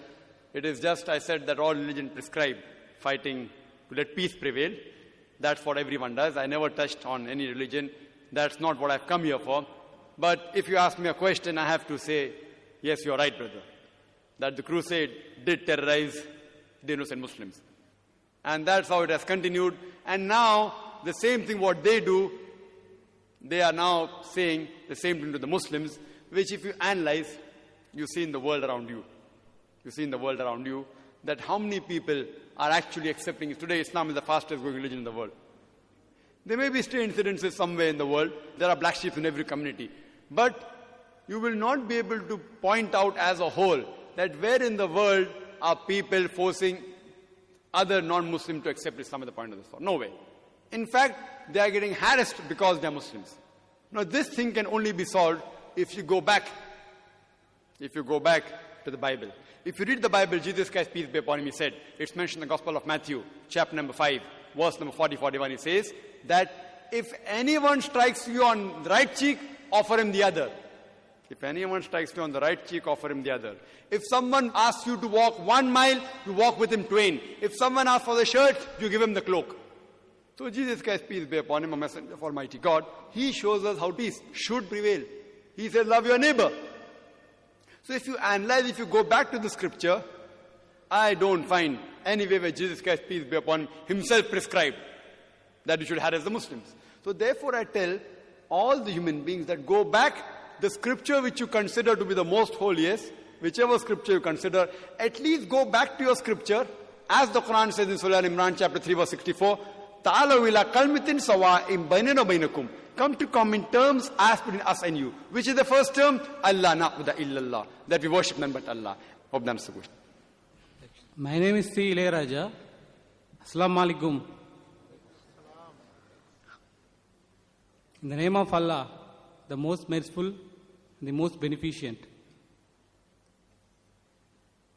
The Prophet Muhammad, Rasulullah, let peace be upon him. Actually, I am a non Muslim. My brother is Saifullah. Actually, he is standing the dais. Everyone can see him. He has embraced Islam in my family and he's having so much problem with the parents actually. That is not my question now. Actually, I am belonging to the fraternity of law. I'd just like to just make a suggestion that the non-Muslims can ask any question in topic, out of the topic. This is the opportunity. They don't get the opportunity. I would not mind answering any question. If it's from non-Muslim,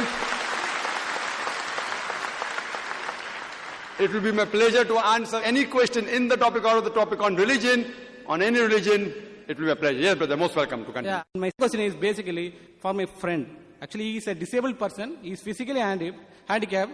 He is asking whether there is any intention of the God or there is any verse or any sayings of the Prophet Muhammad. What is the criteria for a God to create handicapped or disabled persons? That's it. And I think mic will not be available after my asking the question. So for the Islamic Information Center and uh. Dr. Fatima Musafar and Dr. Zakir Naik, thanks for giving me this beautiful opportunity. Thank you. Brother asked a very good question. That why, what is the reason that Almighty God has created some people who are handicaps? Brother, the reason is given in the Quran in Surah Mulk, chapter number 67, verse number 2, which says, Allazi khalaqal mauta wal hayata. It is Allah who has created death and life to test which of you is good in deeds.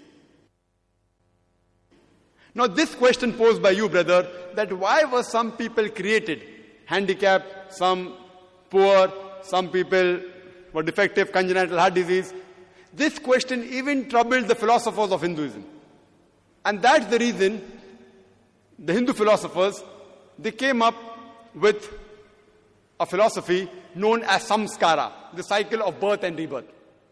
If you read in the Vedas, I'm a student of comparative religion, Veda speaks about Purna Janam. Purna means next, Janam means birth, next birth. Even the Quran speaks about life after death, but nowhere does the Vedas speak about life then death, life then death, life then death. There's no cycle. But because the Hindu philosophy is based on the logic karma, every karma based on dharma, it has an action, has a reaction. So based on that, the Hindu philosophers came up with the philosophy that maybe in the previous birth, these people, they did some evil thing. That's the reason in this life they're born handicapped. Though this is not mentioned in any of the verses of the Vedas. Veda is supposed to be one of the most authentic scriptures of the Hindus. And you find nowhere in the Veda is mentioned. Only Purna Janam is mentioned, which means next life, which also the Christians believe, which even the Muslims believe. Because they could not give the reply why some people are born deaf, some people are born with heart disease. They came with a philosophy and a logic that human beings, they die, then they keep on changing forms. And if you did some bad deeds in the last life, in this life you are born handicapped. And they say that if a person does good deeds in next life, he'll be born on a higher level. And the best level of living creature is the human being.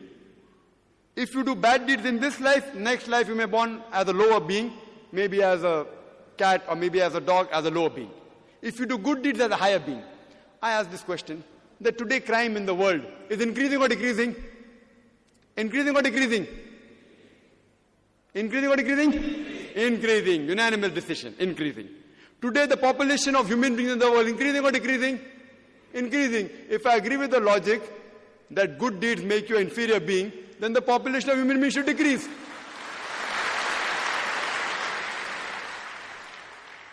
But yet the query, why some human beings are born handicapped, some poor, some congenital defect, the reply is given as I said in the Quran in Surah Mulk chapter 16 verse number 2. Allazi khalaqal mauta wal hayata. It's Allah who has created death and life to test which of you is good in deeds. This life you are leading in this world is a test for the hereafter. And based on the examination that is given to you, you will be judged. And Almighty God judges different people in different ways. See, when you appear for an examination, every year the examination paper keeps on differing. If you have the same paper, then where is the test? The paper should keep on changing. Similarly, Allah subhanahu wa ta'ala tests different people in different ways. Some people He gives wealth. If He gives them wealth, the Islamic Sharia says you have to give 2.5% of that excess wealth in charity. It is called the zakat. For a poor person, he doesn't have to give zakat. He gets 100 out of 100 in zakat. You know, the rich person is more difficult, as Jesus Christ, peace be upon him, said, it is impossible for the rich person to go to paradise. And Prophet Muhammad said, it is difficult for a rich person to go to heaven. If we analyze that depending upon the facility Almighty God has given you, He will judge you accordingly. So if He's given you wealth, you have to give charity. If He has given no wealth, then you have to give no charity. Some people, He makes them born with congenital defects. They are born handicapped. So someone may ask me that what is the fault of that young child? What sin did he do? We believe in Islam that every child is masoom, every child is innocent. He's sinless. But when he's come in this life, maybe as Allah says in the Quran, the wealth and your children and your wives are a test for you. It may be a test for the parents. Almighty God maybe want to test the parents. The parents may be very pious, maybe believing in God. Now God wants to test them with a more difficult examination. That now I make your children born handicapped. Then God wants to test do you yet have faith in Almighty God? And more difficult the test, the higher is the reward. For example, if you want to appear for a simple BA graduation examination, the test is easy. To appear for an MBBS graduation examination, it is more difficult. But the moment you pass MBBS, in front of your name you get doctor. Test is difficult, but the moment you pass, you get doctor. A more superior honor. So more difficult the test, higher is the reward. So Almighty God tells different people in different ways. Just because a person is handicapped, that does not mean that he did sin in his previous life. He is innocent. The handicapped person, maybe it's a test for his parents, maybe it's a test for that person himself. That God wants to test him, that yet does he believe in the Creator or not? That's the reason some people he makes poor, to be born in a poor environment, some people rich environment, some people are born healthy, some people are born handicapped, and depending upon the examination he gives you. You know, when we have a 100 meters dash, there are some people who get handicap. They start from a 50 meters mark. Because if a person who has slight defect in the leg, to make the race equal, he gets a 15 meters lead. If Almighty God has seen to it that certain facilities have been taken away from certain human beings, his test will be accordingly.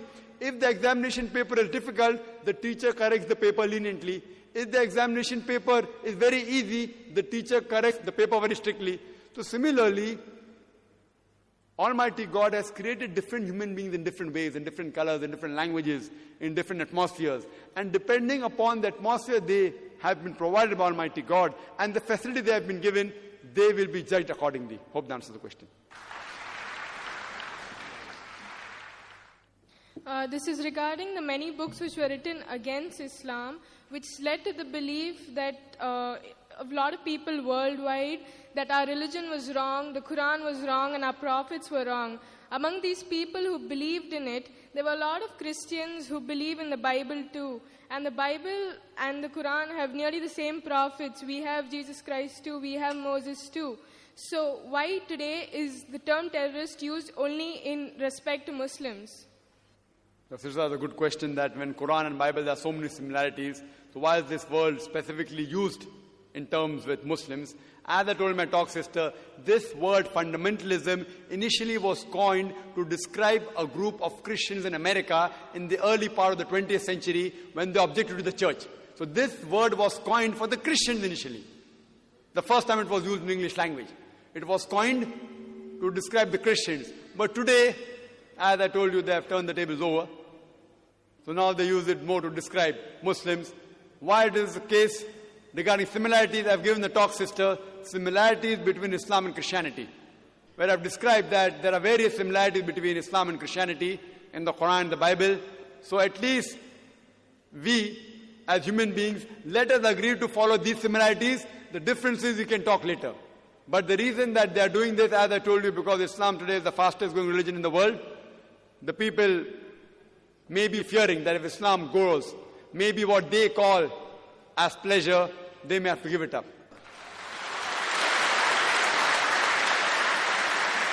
Good evening, sir.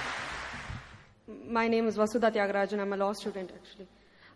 Firstly, I would like to thank you for giving us such an informative talk on uh, terrorism and Islam.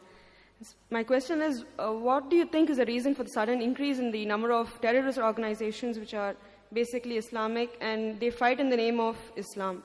And since you say that uh, Islam is giving the guidelines is that uh, women, children, elderly people shouldn't be injured or killed, uh, but there have been various bomb blasts and killings of women and children. What do you think is the reason for that? Thank you. The sisters asked a very relevant question that what is the reason that there's increase in terrorist organization among the Muslims and so many bomb blasts, and especially when Islam says you should not kill children, etc. What is the reason? And that's a very good question. Personally, tell you again that personally I haven't met and interviewed any so-called 100% hardcore terrorist. I haven't met, but I can give the reasons, the logical answers why such thing may be happening. Number one, some people may really be terrorizing the innocent people. Some Muslims may be on the wrong track. They may not be following the guidance of the Quran. Like you have black sheep in every community. One of the number one terrorists of human history, who it is? It is Hitler. he has incinerated 6 million Jews. So can I blame Christianity for that? Hitler was a Christian.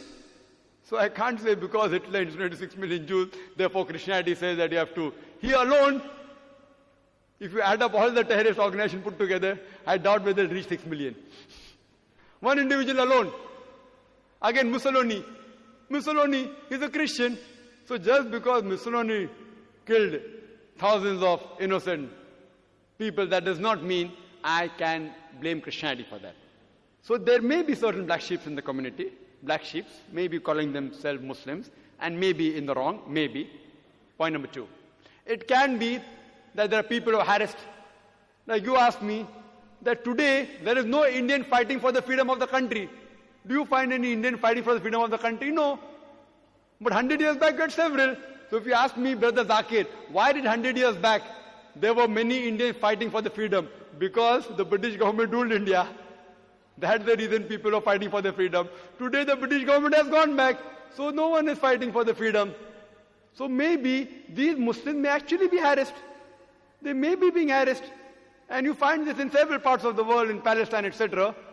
That you find that maybe if you go to the history, if you go back to the history and you find that they have really been harassed, and if no one is coming out to help them, they are resorting to whatever means they have, like the example which is given in the Bible, David and Goliath. The stone was sufficient. So, who's to blame? We are to blame. We are to blame that we aren't going to the root cause of the problem. If there's a terrorist organization, we have to go and really find out what is the reason that they have resorted to terrorism. The only way we can solve this problem. Just by killing them, these terrorists, it will not solve the problem. If you kill one, there will be ten emerging. What we have to do, we have to go and find out what is the reason. Why are you resorting to this method? We have to go back to the root cause. It is like giving the example of Palestine. When Hitler incinerated six million Jews, the Jews were kicked out from Germany. And the Palestinians, they said, Ellen was Ellen, you are our cousins, come and join us. It is like I tell a stranger that if you have a problem, come and stay in my house. After a few years, he kicks me out of the house. And when I start making a noise outside my house, that see these people have entered my house, so you call me a terrorist. Am I a terrorist? I was welcome a person is a stranger. Just as a human brother, I got him to the house. After a few months, he kicks me out, and when I say that I want my house back, you say that I'm a terrorist. Who's to blame? We are to blame. We are to blame. We have to find out that what is the cause of the problem. If we, who Almighty God has given us intelligence, has given even the power and to get together, if we get to the root cause, you'll come to know that why should a person want to die? Who would like to die? Who would like to die? A person who says that I say I'm going to get killed, so why not I die and take somebody else also? So if you ask the psychologists, they will tell you the root causes we have to go and ask these people that why are doing all this? And many a times we'll find out that the truth is lying behind it. And the truth is that they may be being harassed, and some people may really be terrorists. Some people may be terror and the people for money, some people for fame, some people for politics. So I do agree, sister, that but majority what I feel that they are being troubled, whether it be Muslim, whether it be Hindu, whether it be Christians, there has to be a backlash if a person cannot bear whatever torture that he's undergoing. He resorts, the psychologists say, and I'm a medical doctor, I have done my studies in medicine, they have to retaliate. It is human nature. So why should a person who would not like to raise a finger would like to carry a gun in the hand? Why? So what we have to do, we have to find the root cause and try and solve this problem. That's the only way we can see to it that these terrorizing the innocent people will stop and all human beings can live together as one brotherhood. Yeah, myself is uh, Ravi Kumar. I am a software engineer. And uh, my first request to my fellow Indians is don't always relate September 11 with terrorism because so many things have happened in India. More than 20,000 people have been killed in Kashmir. 2,000 Muslim brothers have been killed in uh, Gujarat. So we have so many instances to link with terrorism in India itself. Like we can link December 13 to terrorism and the day in which Akshardham temple people have entered, that we can link it with terrorism. My, I thank uh, Mr. Jagir Nayak for clearing the misconception about the jihad. My question is that you told that uh, just for the sake of one person, you cannot uh, attack the country.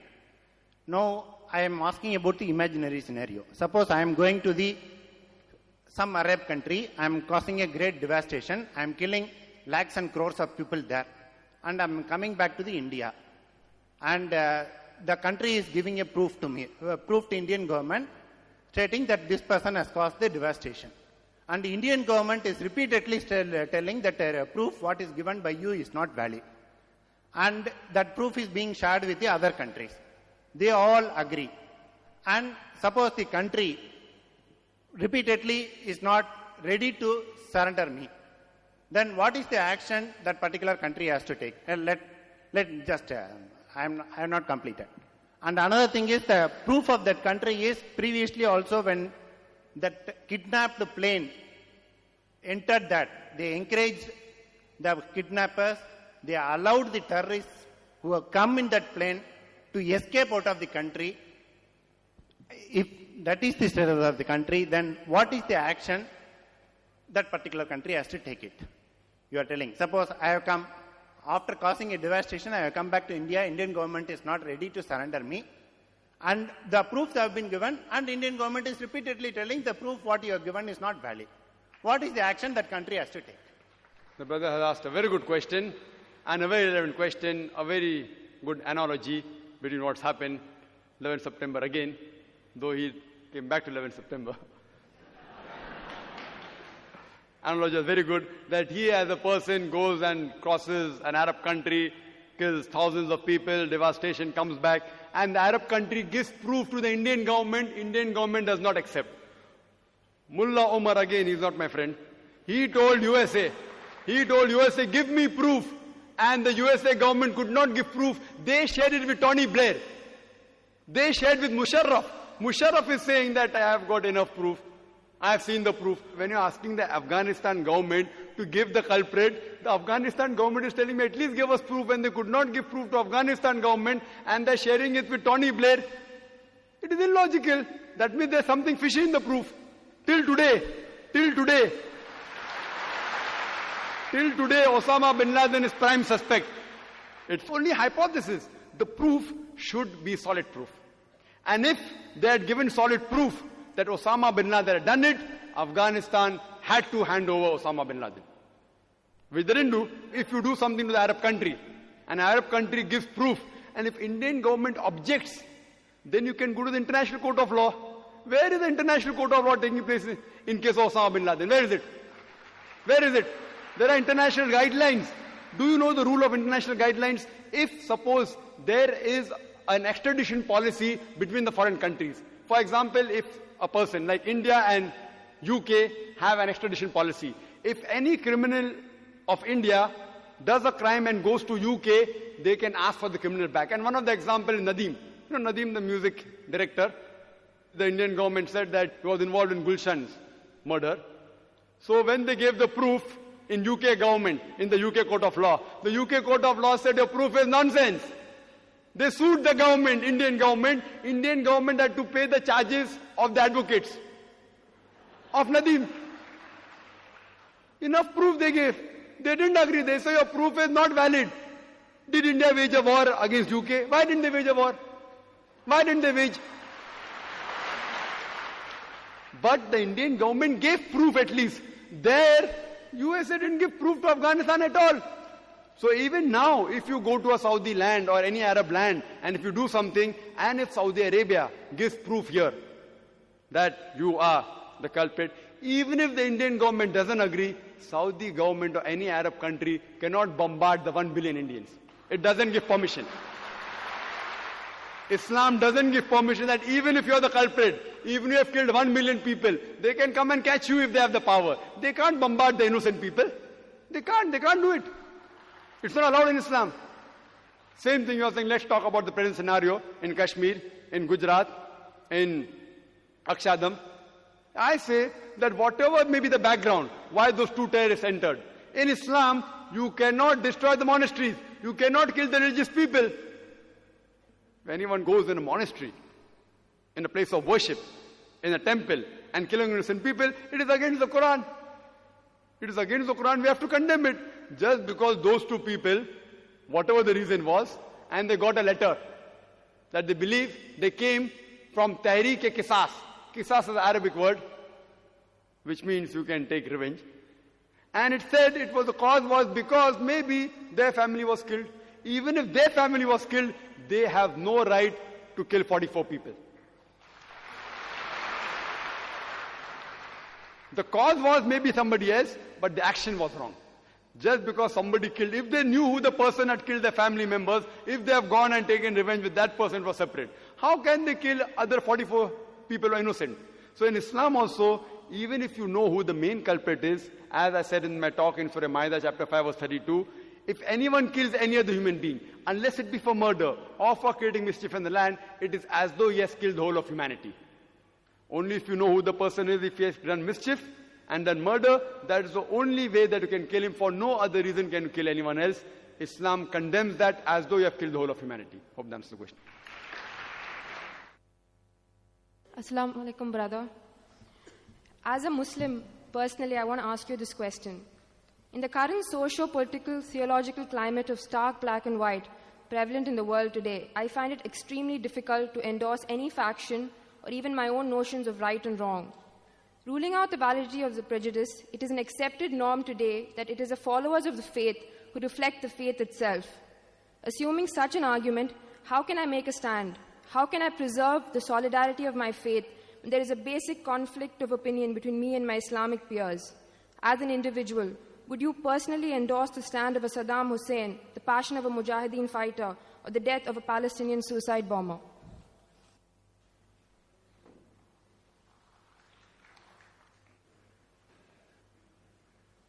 The sister asked the question that seeing the conflicting views and ideas, she doesn't know where she fits in. Who should she agree with? Who should she not agree with? What should she say? She's asking a question that do I agree with what's happening, the Palestinian Mujahideens, what's happening about Saddam Hussein, etc. Sister, as I told you, many a time these issues are political. What I say, that everything has a hidden agenda, and because I keep on traveling a lot, and again, right or wrong, Allah alam, I can't say this is the thing. But mainly the cause are a few selected people and the politicians. Again, the politicians. For political reasons, they make someone the scapegoat, and that's the reason they want to see to it that the ulterior motives have been solved. Me, as a Muslim, if you ask me, that what should I say if someone asks me? I can only speak the truth. If someone has caused them harm, if someone has murdered them, etc., etc. In this way, if they retaliate, it's allowed. Otherwise, they cannot.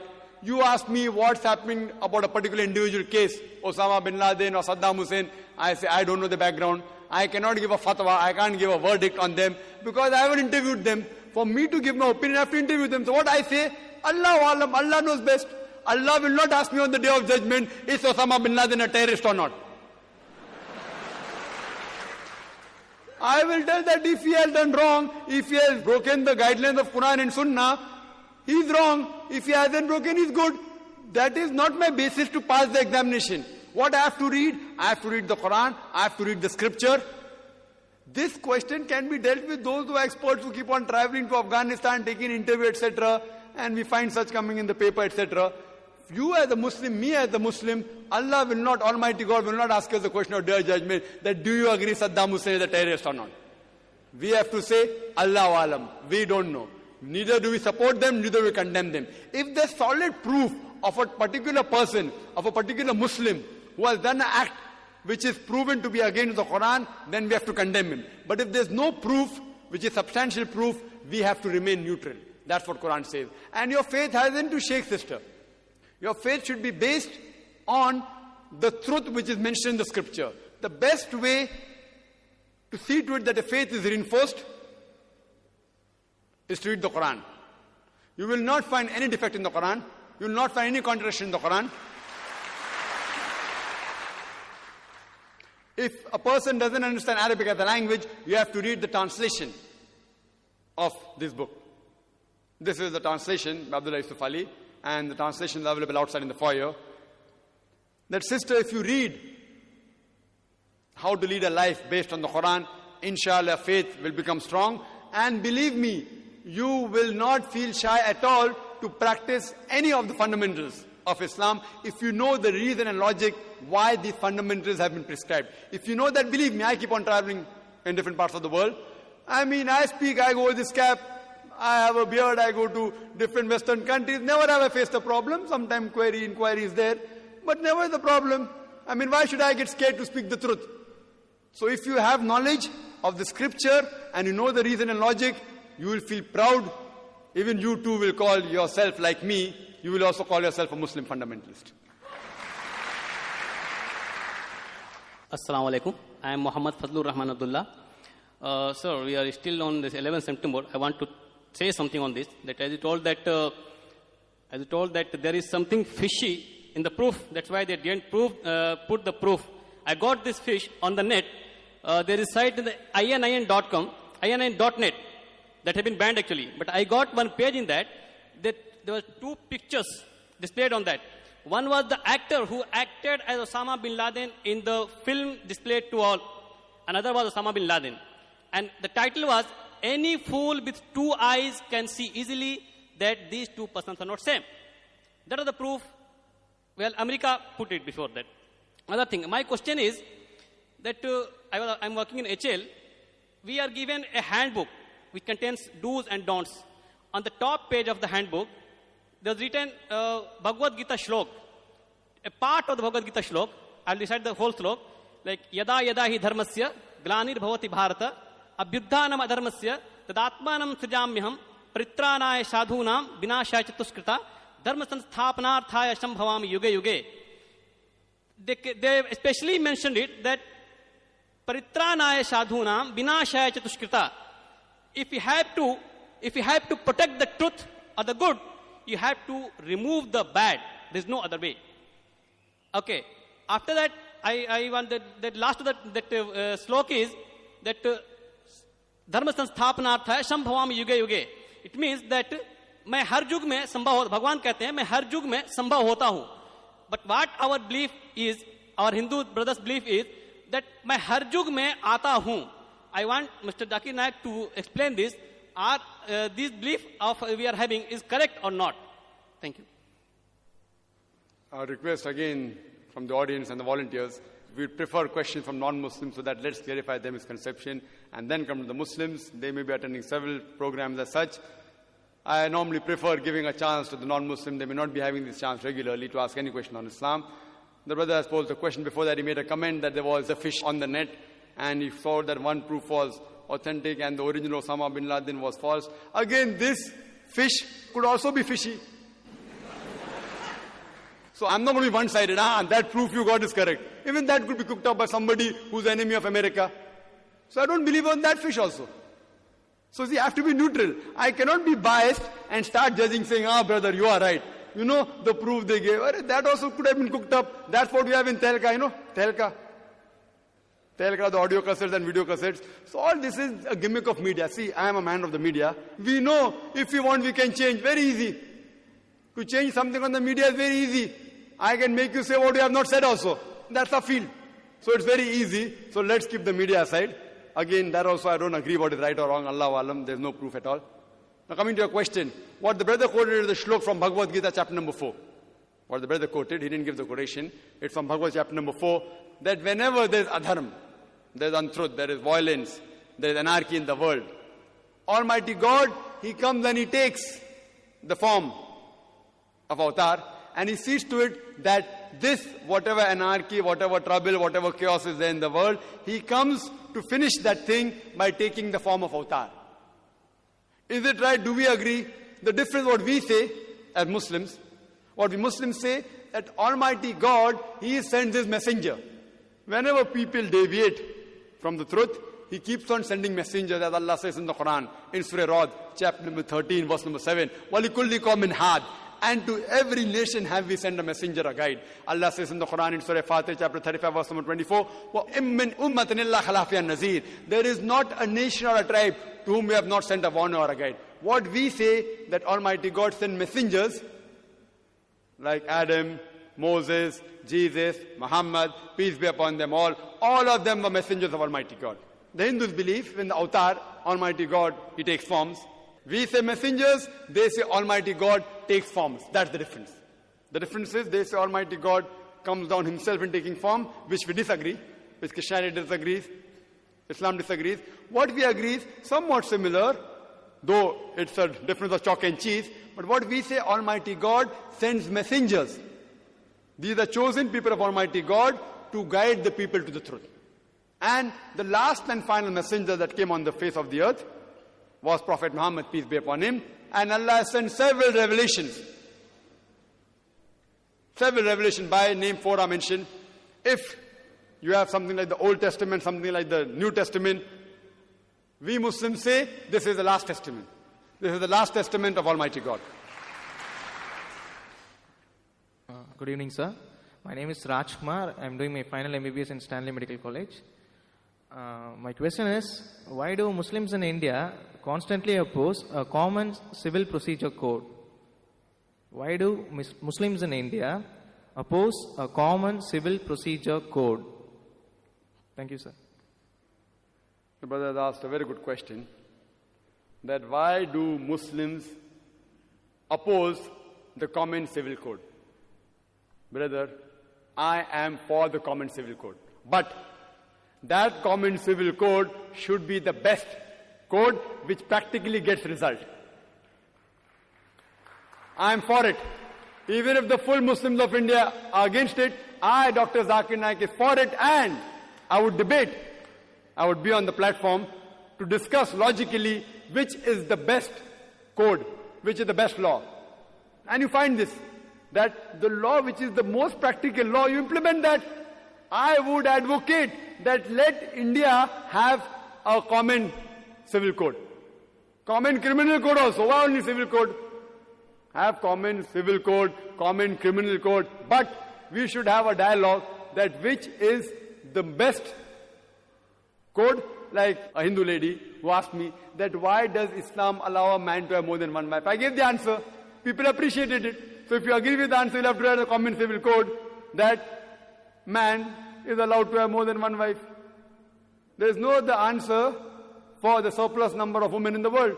There is no other solution. No religion has that solution, though all the religions, there's no religion which says that marry only one, except for the Quran. And I gave an analogy that for hijab, for rape, I give the analogy that the best punishment that you can give, the best punishment you can give, which has the best result, as Islam says, the woman should be dressed up in hijab. The man, whenever he looks at a woman, he should lower his gaze. And after that, if any man rapes a woman, he gets capital punishment, there's death penalty.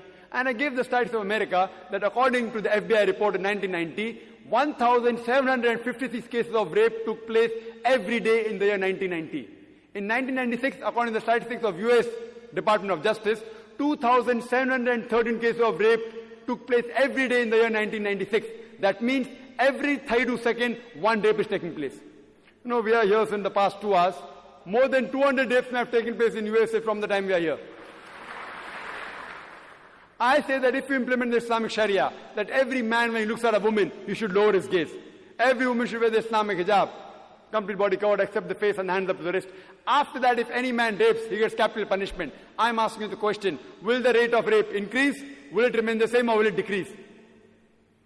It will decrease the practical law and this you can see, there was a program on BBC talking about a part of Nigeria which implemented the Islamic Sharia and they gave the death penalty for rape and immediately the cases of rape came down. The least rate of rape in any part of the world is in Saudi Arabia. I'm not speaking in favor of Saudi Arabia. But what is right we have to appreciate. And I congratulate L.K. Advani.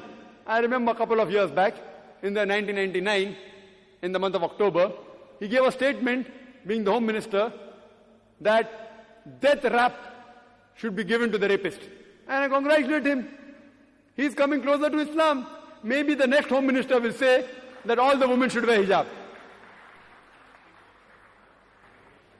Hello, Salam alaikum. I'm, my name is Yashar Payami. I'm from Iran, really. And I want to know exactly is that you must have read Salman Rushdie's Satanic Verses. and as a Muslim, I, nobody would have liked that book. So, what do you think Imam Khomeini did was, what he did was correct, asking for the people for fatwa? That was my main point. What Imam Khomeini had told about the fatwa that uh, against fatwa against Salman Rushdie was it correct or what? Whether the question that what Imam Khomeini said regarding the fatwa of Salman Rushdie is it right or wrong? My basic question is that why did Imam Khomeini give the fatwa one year later? The first country to ban the book of Salman Rushdie's satanic verses was India. And I congratulated Rajiv Gandhi for doing that act. Why should Khomeini give the fatwa of killing Salman Rushdie after one year? Because he was getting out of the news. All politicians, politicians, if he wanted to give the fatwa, he should have given. The book was reviewed by so many parts of the world, so many countries banned it, and then he gives the fatwa, he should be killed. Whether right or wrong is afterwards, all the political gains. All political gains. All these things are political gains. But what Rajiv Gandhi did, maybe he didn't know about it, and I've given a talk on this issue of satanic verses. Though this book is banned in India, I've read that book. You know, Salman Rushdie, who claims just for namesake is a Muslim, he did not leave anyone. In his book, even abuses Queen Elizabeth. And the same British government who had banned an American author for using a four letter word, father, uncle, cousin, king, for the policy of Margaret Thatcher, that same Salman Rushdie, he makes it active and use ing. And yet the book is very popular. So one American author, they banned because he uses a four letter word for Margaret Thatcher. This another person, Salman Rushdie, makes it active. ING.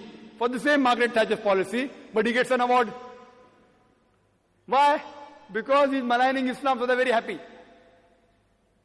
And do you know, he even did not leave Ram and Sita. You know, these people are respected by the majority of the Indians. He even abused them. I don't want to use that word. He abused them also, he did not leave them. And many of the people are supporting. So maybe Rajiv Gandhi didn't know. But later on, if you read that book, you realize he did not leave anyone. So if a person who keeps on maligning, etc., Allah says in the Quran, in Surah Maida, chapter number 5, verse number 33, As to anyone who wages a war against Allah and His Messenger, there are various options given, that you can either execute him, you can crucify him, chop off opposite limbs, or take him out of the country. And this law is not only in the Quran, it is even in the Bible. If you read the book of Leviticus, it says that anyone who blasphemes the law, you should stone that person to death. Even a passerby who is a stranger should stone that person to death who blasphemes the law. So this law is then all the religious scriptures, not only there in Islam, in most of the religious scripture for blasphemy, whether it be Christianity, whether it be Islam, whether it be Judaism, for blasphemy, if it's a confirmed blasphemy, if it's that part of the country. We cannot give fatwas here. They should kill him, etc. If it's an Islamic state of law, if anyone blasphemeth, there are certain laws and rules and regulations laid down. But what politicians do, whether it be a Muslim politician or whether it be a non-Muslim politician, I'm sorry, I don't again want to hurt any politicians per se. If not all, I say majority. You find somewhere or the other they compromise for their own vote bank. And that's the reason that it is said that religion and politics, that you pulls apart. They use religion as a plank to see to it that they get fame, etc. And that's what people do, which we people should be aware that the fatwa given by Khomeini, it was just a political gimmick according to me. But banning the book, what Rajiv Gandhi did, was perfect. He banned it, he was the first. And now they're thinking of removing the ban. I don't know whether the ban has come out or not. There's another statement that they're trying to remove the ban. But if anyone blasphemed the Lord in Islam, in Christianity, that person according to Christianity should be stoned to death. In Islam, there are four options. You can even exile him. Christianity, no option. Christianity, only stoning to death. In Islam, there are four options you can choose. In Christianity, you have to stone that person to death. Hope that answers the question. Good evening, sir. I'm T.A. Anuragni. I'm a final law student. The, I believe that terrorism could be stopped by, uh, at least could be reduced, when people are taught about tolerance. Does Islam preach about tolerance? And if, if it does, do people who are in charge of imparting Islam, I mean, uh, I believe uh, there are a lot of, um I don't know the exact term, terminology, there are uh, gurus like in Hinduism who teach Islam to the other uh, um, Muslims. So in that case, do they, do they impart, uh, preach tolerism? The sister asked a good question, and she rightly says that terrorism can be curbed by teaching tolerance. And does Islam teach tolerism? Do the religious leaders of Islam, do they teach tolerism? Sister, I said in my talk, which I said a bit fast, I didn't pay emphasis on it. One of the criteria for any human being to go to Jannah, to go to heaven, to go to paradise is tolerance. Allah says in the Quran in Surah Al-Asr, chapter number 103, verse number 1 to 3, Wal Asr, Innal insana fi khusr, illa allazina amanu, wa amilu salihati, wa tawasaw bil haqqi. By the token of time, man is verily in a state of loss, except those who have faith, those who have righteous deed, those who exhort people to truth, that is to dawah, and those who exhort people to patience and perseverance. Tolerance is one of the criteria to go to Jannah. If you are not tolerant, according to Surah Al-Asr, you shall not go to Jannah. Not only should you be tolerant, you should even exhort people towards tolerance. But tolerance by definition, it has got various meanings. And if you ask experts, the tolerance also has a limit. What do you mean by tolerance? Fine, someone does something wrong to you, you do not retaliate, it's good. Till how long? So tolerance also has a limit. And in Islam, zalim is a person who does zulm. Means you could say that a person who causes harm. There are two types of zulm. One is a person who does harm to the others, and another person who does harm to himself. The two types of zalim, and both are referred as zalim. One who does zulm on others, another type who does zulm on himself. Our beloved Prophet Muhammad said, it's mentioned in hadith of Sahih Muslim. If you see anything which is wrong going on, if you can, you should stop it with your hand. If you cannot stop it with the hand, stop it with your mouth, with your tongue. If you cannot stop it with the tongue, at least curse in your heart that the act is wrong. And if you do that, you are the lowest level of believer. The lowest level. So what we have to do, that we have to be tolerant, teach tolerance, as Allah says in the Quran in Surah Baqarah chapter 2 verse 153, Inna Allah ma sabrin. That verily Allah is with those who do sabr. But while doing sabr, we should see to it that does not go beyond limit. Sabr also has a limitation, tolerance has a limitation. So before it goes over limit, if you see that a woman is being raped, you can't tell the woman, tolerate it, no problem. If God has given me strength, if I see a man raping a woman, I should stop it with my hand. If I cannot do it with my hand, it is tell sahab, please don't rape. In Bombay, an article, a young girl, 13 years girl, she was raped by a man and there were five passengers. Only one person objected and he was kept quiet. Five people could over that man was drunkard, was drunk, and they did not do anything. What's happened to the humanity? What has happened to humanity? Five young people cannot take care of one drunkard, raping a girl in a train. Will you call this tolerance? I would call it cowardice. Therefore I say that if these five people were terrorists, terrorists in the sense terrorizing the antisocial element, that person would have the guts to do it. So what sister we have to encourage and see to it that tolerance level of every human being is increased. At the same time, they should not become cowards. They should see to it that the antisocial element in the society, they are reduced and we should collectively gather together and see to it that these people who are antisocial people, they are brought to task. Hope that answers the question. Hello, my name is B. Deepak. I'm a chartered accountant. I would like to ask a question to you, sir, regarding the the erstwhile Taliban regime issued a fatwa for the destruction of Bamiyan Buddhas, terming it as un-Islamic. I would like to know whether it is really un-Islamic and if it is one of the footsteps which the Satan has laid and uh, the Muslims should be aware of. Brother asked me the question, the same question was asked to me in Surat when I was giving a lecture talk in Surat. Just a couple of days after this issue, it was very hot in the oven. The Taliban had, were destroying rather at that time the statue of Buddha Bamiyan. The brother asked me the question that is it Islamic, etc. The same question asked by a non-Muslim to me in Surat, that is it right or is it wrong? At that time, yet there were conflicting views whether they were destroying or not. So again, I said at that time that I don't know whether destroyed or not. But today we know there are confirmed news that they have destroyed it, whether right or wrong. What I can say, what I can say, that I, being a student of comparative religion, whether right or wrong, I'll tell afterwards. What I can tell that surely the Taliban's, if they destroyed the statue of Buddha, what they were doing is actually they were educating the Buddhists.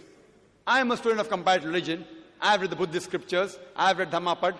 I have read the scriptures. Nowhere in any of the Buddhist scriptures did Buddha ever say, make a statue of myself. Buddha never said that the Buddhists should do idol worship. It is a later innovation. So what I could say as a student of comparative religion, whether right or wrong will come afterwards, what they were doing is surely they were educating the Buddhists. And in none of the Buddhist scripture is it mentioned that they should make a statue. Coming to the question. And this question was asked to me even by the press when I was in Bangalore. That just because Islam feels idol worship is not allowed, there are other religions, there's even Christianity. If you read the Old Testament, it's mentioned in the book of Deuteronomy, chapter number 5, verse number 7 and 9, as well as the book of Exodus, chapter number 20, verse number 3 to 5. It says, Thou shalt have no other image besides me. Thou shalt not make any graven image of me, of any likeness, of anything in the heaven above, in the earth beneath, on the water above the earth. Thou shalt not bow down to them, nor serve them, for I, thy God, thy Lord, is a jealous God. So even according to Christianity, according to Judaism, making images of anyone who you say is God is prohibited. Same it is prohibited in Islam. So when I gave this reply that they were educating the Buddhists, so what they said, that but didn't these Talibans, didn't they cause grief to millions of Buddhists? I said yes. So does Islam allow anyone to cause grief to millions of human beings? I asked the journalist a question that what if suppose the Indian government catches a haul of drugs, cocaine, brown sugar worth 10 crore rupees. Worth about $2 million, they catch a haul. Drugs. What will the Indian government do? So the journalist told me the Indian government will burn the drugs. I said, good. I said, do you know, for millions of human beings in the world, drug is God for them? So will you agree with the Indian government or go against the government that they're destroying the God of millions of drug addicts? Because the Indian government feels that the drug will cause loss to the body, what they're doing is right, even though it's causing grief to millions of drug addicts. But if they feel it is wrong, they're burning. You cannot go and tell the Indian government that why are you burning the drugs? A drug addict will feel bad. So similarly, Afghanistan is their government. It is their property. See, the statue is their property. If they come and do something in any other country, then you can object. They are doing in their country, it is their property. If they like it, they'll keep it. If they want to destroy, they'll destroy it. Who are we to object? We can't object.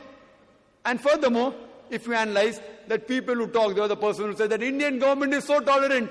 Do you know in Bombay, when you come out of the domestic airport, of the Santa Cruz airport, there's a big statue of Mahavir, of Mahavir, just outside the Hotel Jal. And it was unclothed. So the people took objection. And then they built a wall in front of the private parts. Later on, after a few months, they removed the statue. Now, those same people who objected to the statue being there, those same people today are condemning Afghanistan. Why? The same people who objected to the statue being on the road. See, and do you know there are more Jains in India than Buddhists in Afghanistan? So when the government of Bombay could remove the statue which is believed to be God or believed to be the Tirthankas of the Jains, and there are more Jains living in India than Buddhists live in Afghanistan, at that time no one objected. And now when the Afghanistan government is doing, you're objecting. Why these double policies? You know why? Because of vote bank. Won't the Jain feel bad? So if the Jain believes in keeping a statue of Mahavir, who's a Tirthanka, why are we objecting? At that time, everyone objected. The statue should be removed. Statue should be removed. And the same people who objected were condemning that why did you destroy the Bamiyan Buddha statue? Double policies. Therefore, we as logical people should have a single policy. We should not be two-faced jammed in where we keep on changing the rules. So what I feel that it is their property. Suppose, suppose a non-Muslim, he buys a house. in the house there is a carving of Kaaba. Suppose if there is there. If that non-Muslim does not like Kaaba and he defaces the Kaaba, how can I object?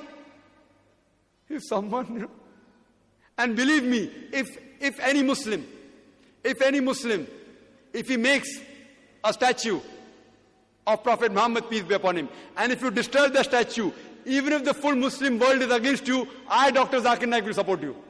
Because making a statue of Prophet Muhammad, peace be upon him, is prohibited. If any Muslim lunatic makes the statue of Prophet Muhammad, peace be upon him, and he worships it, and if you being a non-Muslim, knowing knowledge of Islam, if you go and destroy the statue, even if the full Muslim world is against you, I, Dr. Zakir Naik, will support you.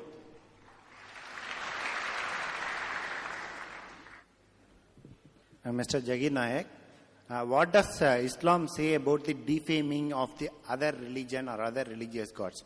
Why I am asking this question is that when uh, one of the Indian artists, who is uh, a Muslim, he has drawn a Hindu god Saraswati in a nude condition, which was appreciated by everybody as a freedom of expression.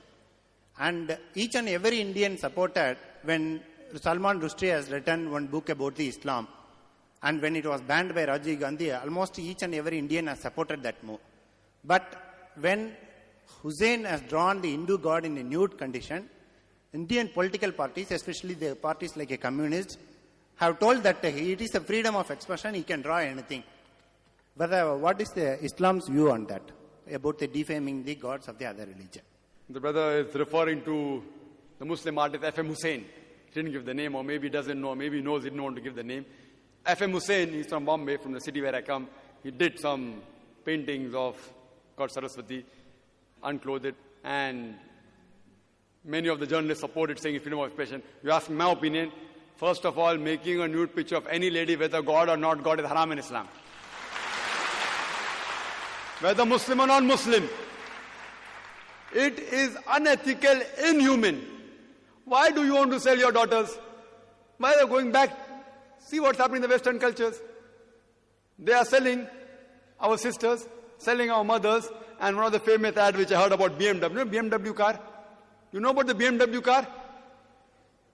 It is somewhat like Mercedes for the youngsters. Mercedes, top level car. In that ad, I'm sorry to say, I was told that there's a lady standing in the bikini in front of that car, and it's mentioned there, test drive her now. Who, the car or the girl? What has the girl got to do with the car? So this is all in name of freedom of expression that degrading the woman.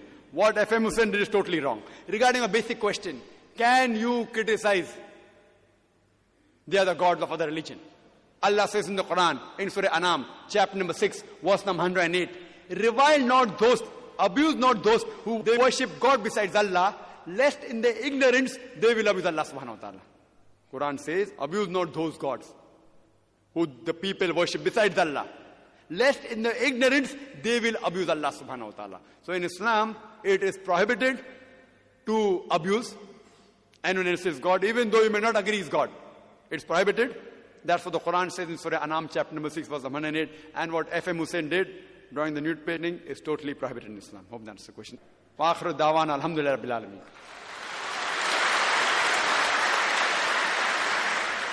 It's my extreme privilege to thank the Consul General of the U.S. Consulate of Chennai, Dr. Richard D. Haynes, Mr. Krishnachand Chorodia, Dr. M. S. Ambaresan, and Dr. Zakir Naik and his team, and all the volunteers and co-organizers of the program.